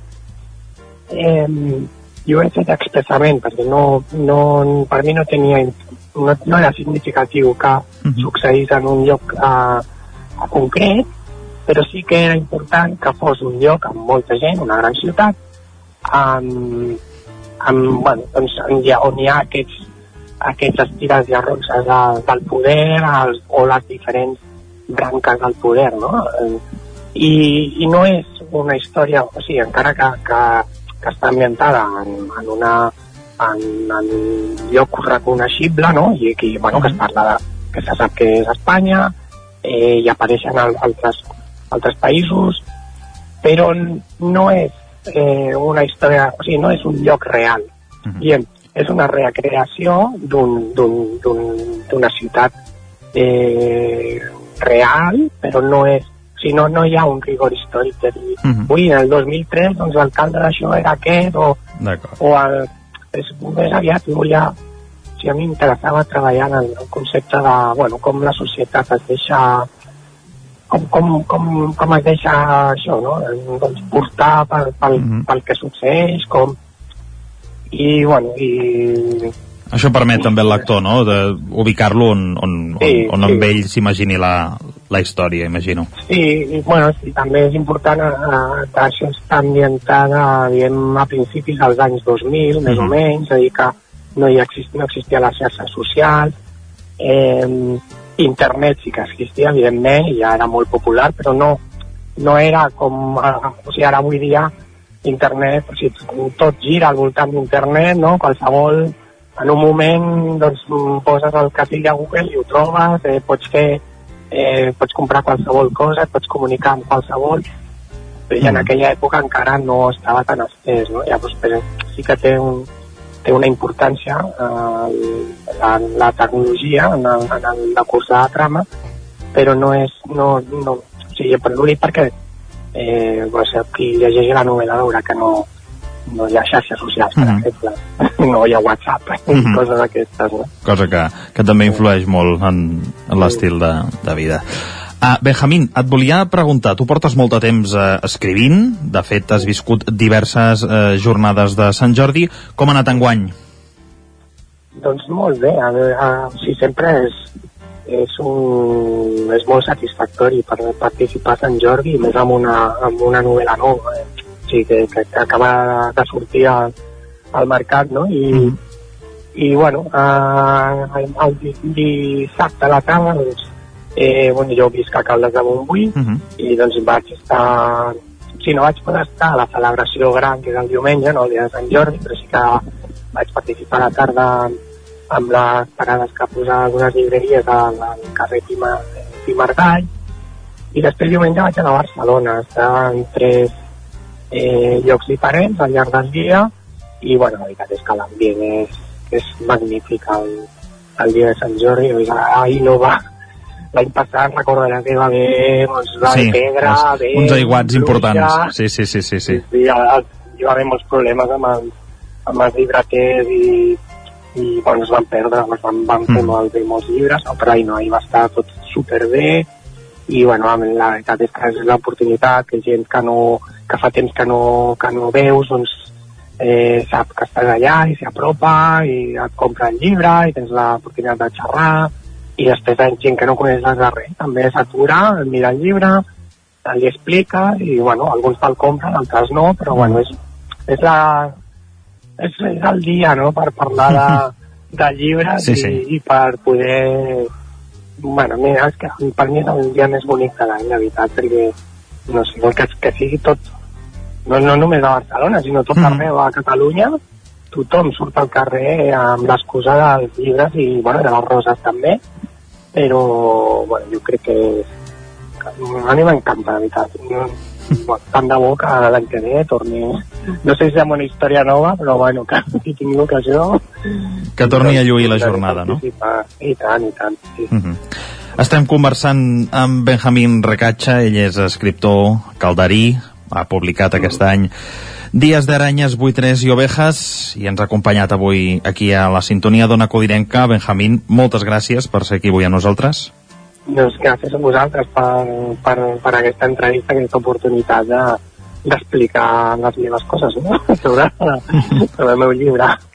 I ens anem, ens anem seguint, que vagi molt bé. Moltes gràcies. Vinga, que vagi molt bé. Adéu, Benjamín, gràcies. Gràcies, Roger. Roger Rams també per aquesta entrevista avui al Lletra Ferits a Benjamín Recatxa i amb ells acabem. Amb ells acabem el territori 17 d'avui, dimecres 26 d'abril de l'any 2023. Dia en què s'han fet públiques les llistes de les eleccions municipals del 28 de maig. N'hem fet un repàs aquí al Territori 17, un Territori 17 que començàvem a les 9 del matí, que us ha acompanyat des d'ara fins ara a les 11, i qui us ha fet companyia avui hem estat Maria López, Isaac Montades, Pol Grau, Pepa Costa, Jordi Givert, Guillem Sánchez, Cristina Enfruns, Roger Rams, Sergi Vives i Isaac Moreno. L'equip del Territori 17 que hi tornem demà a partir de les 9 fins aleshores. Gràcies per ser-hi i molt bon dimecres dimecres. Adéu-siau. Territori 17, un magazín del nou FM. La veu de Sant Joan, Ona Codinenca i Ràdio Cardedeu amb el suport de la xarxa.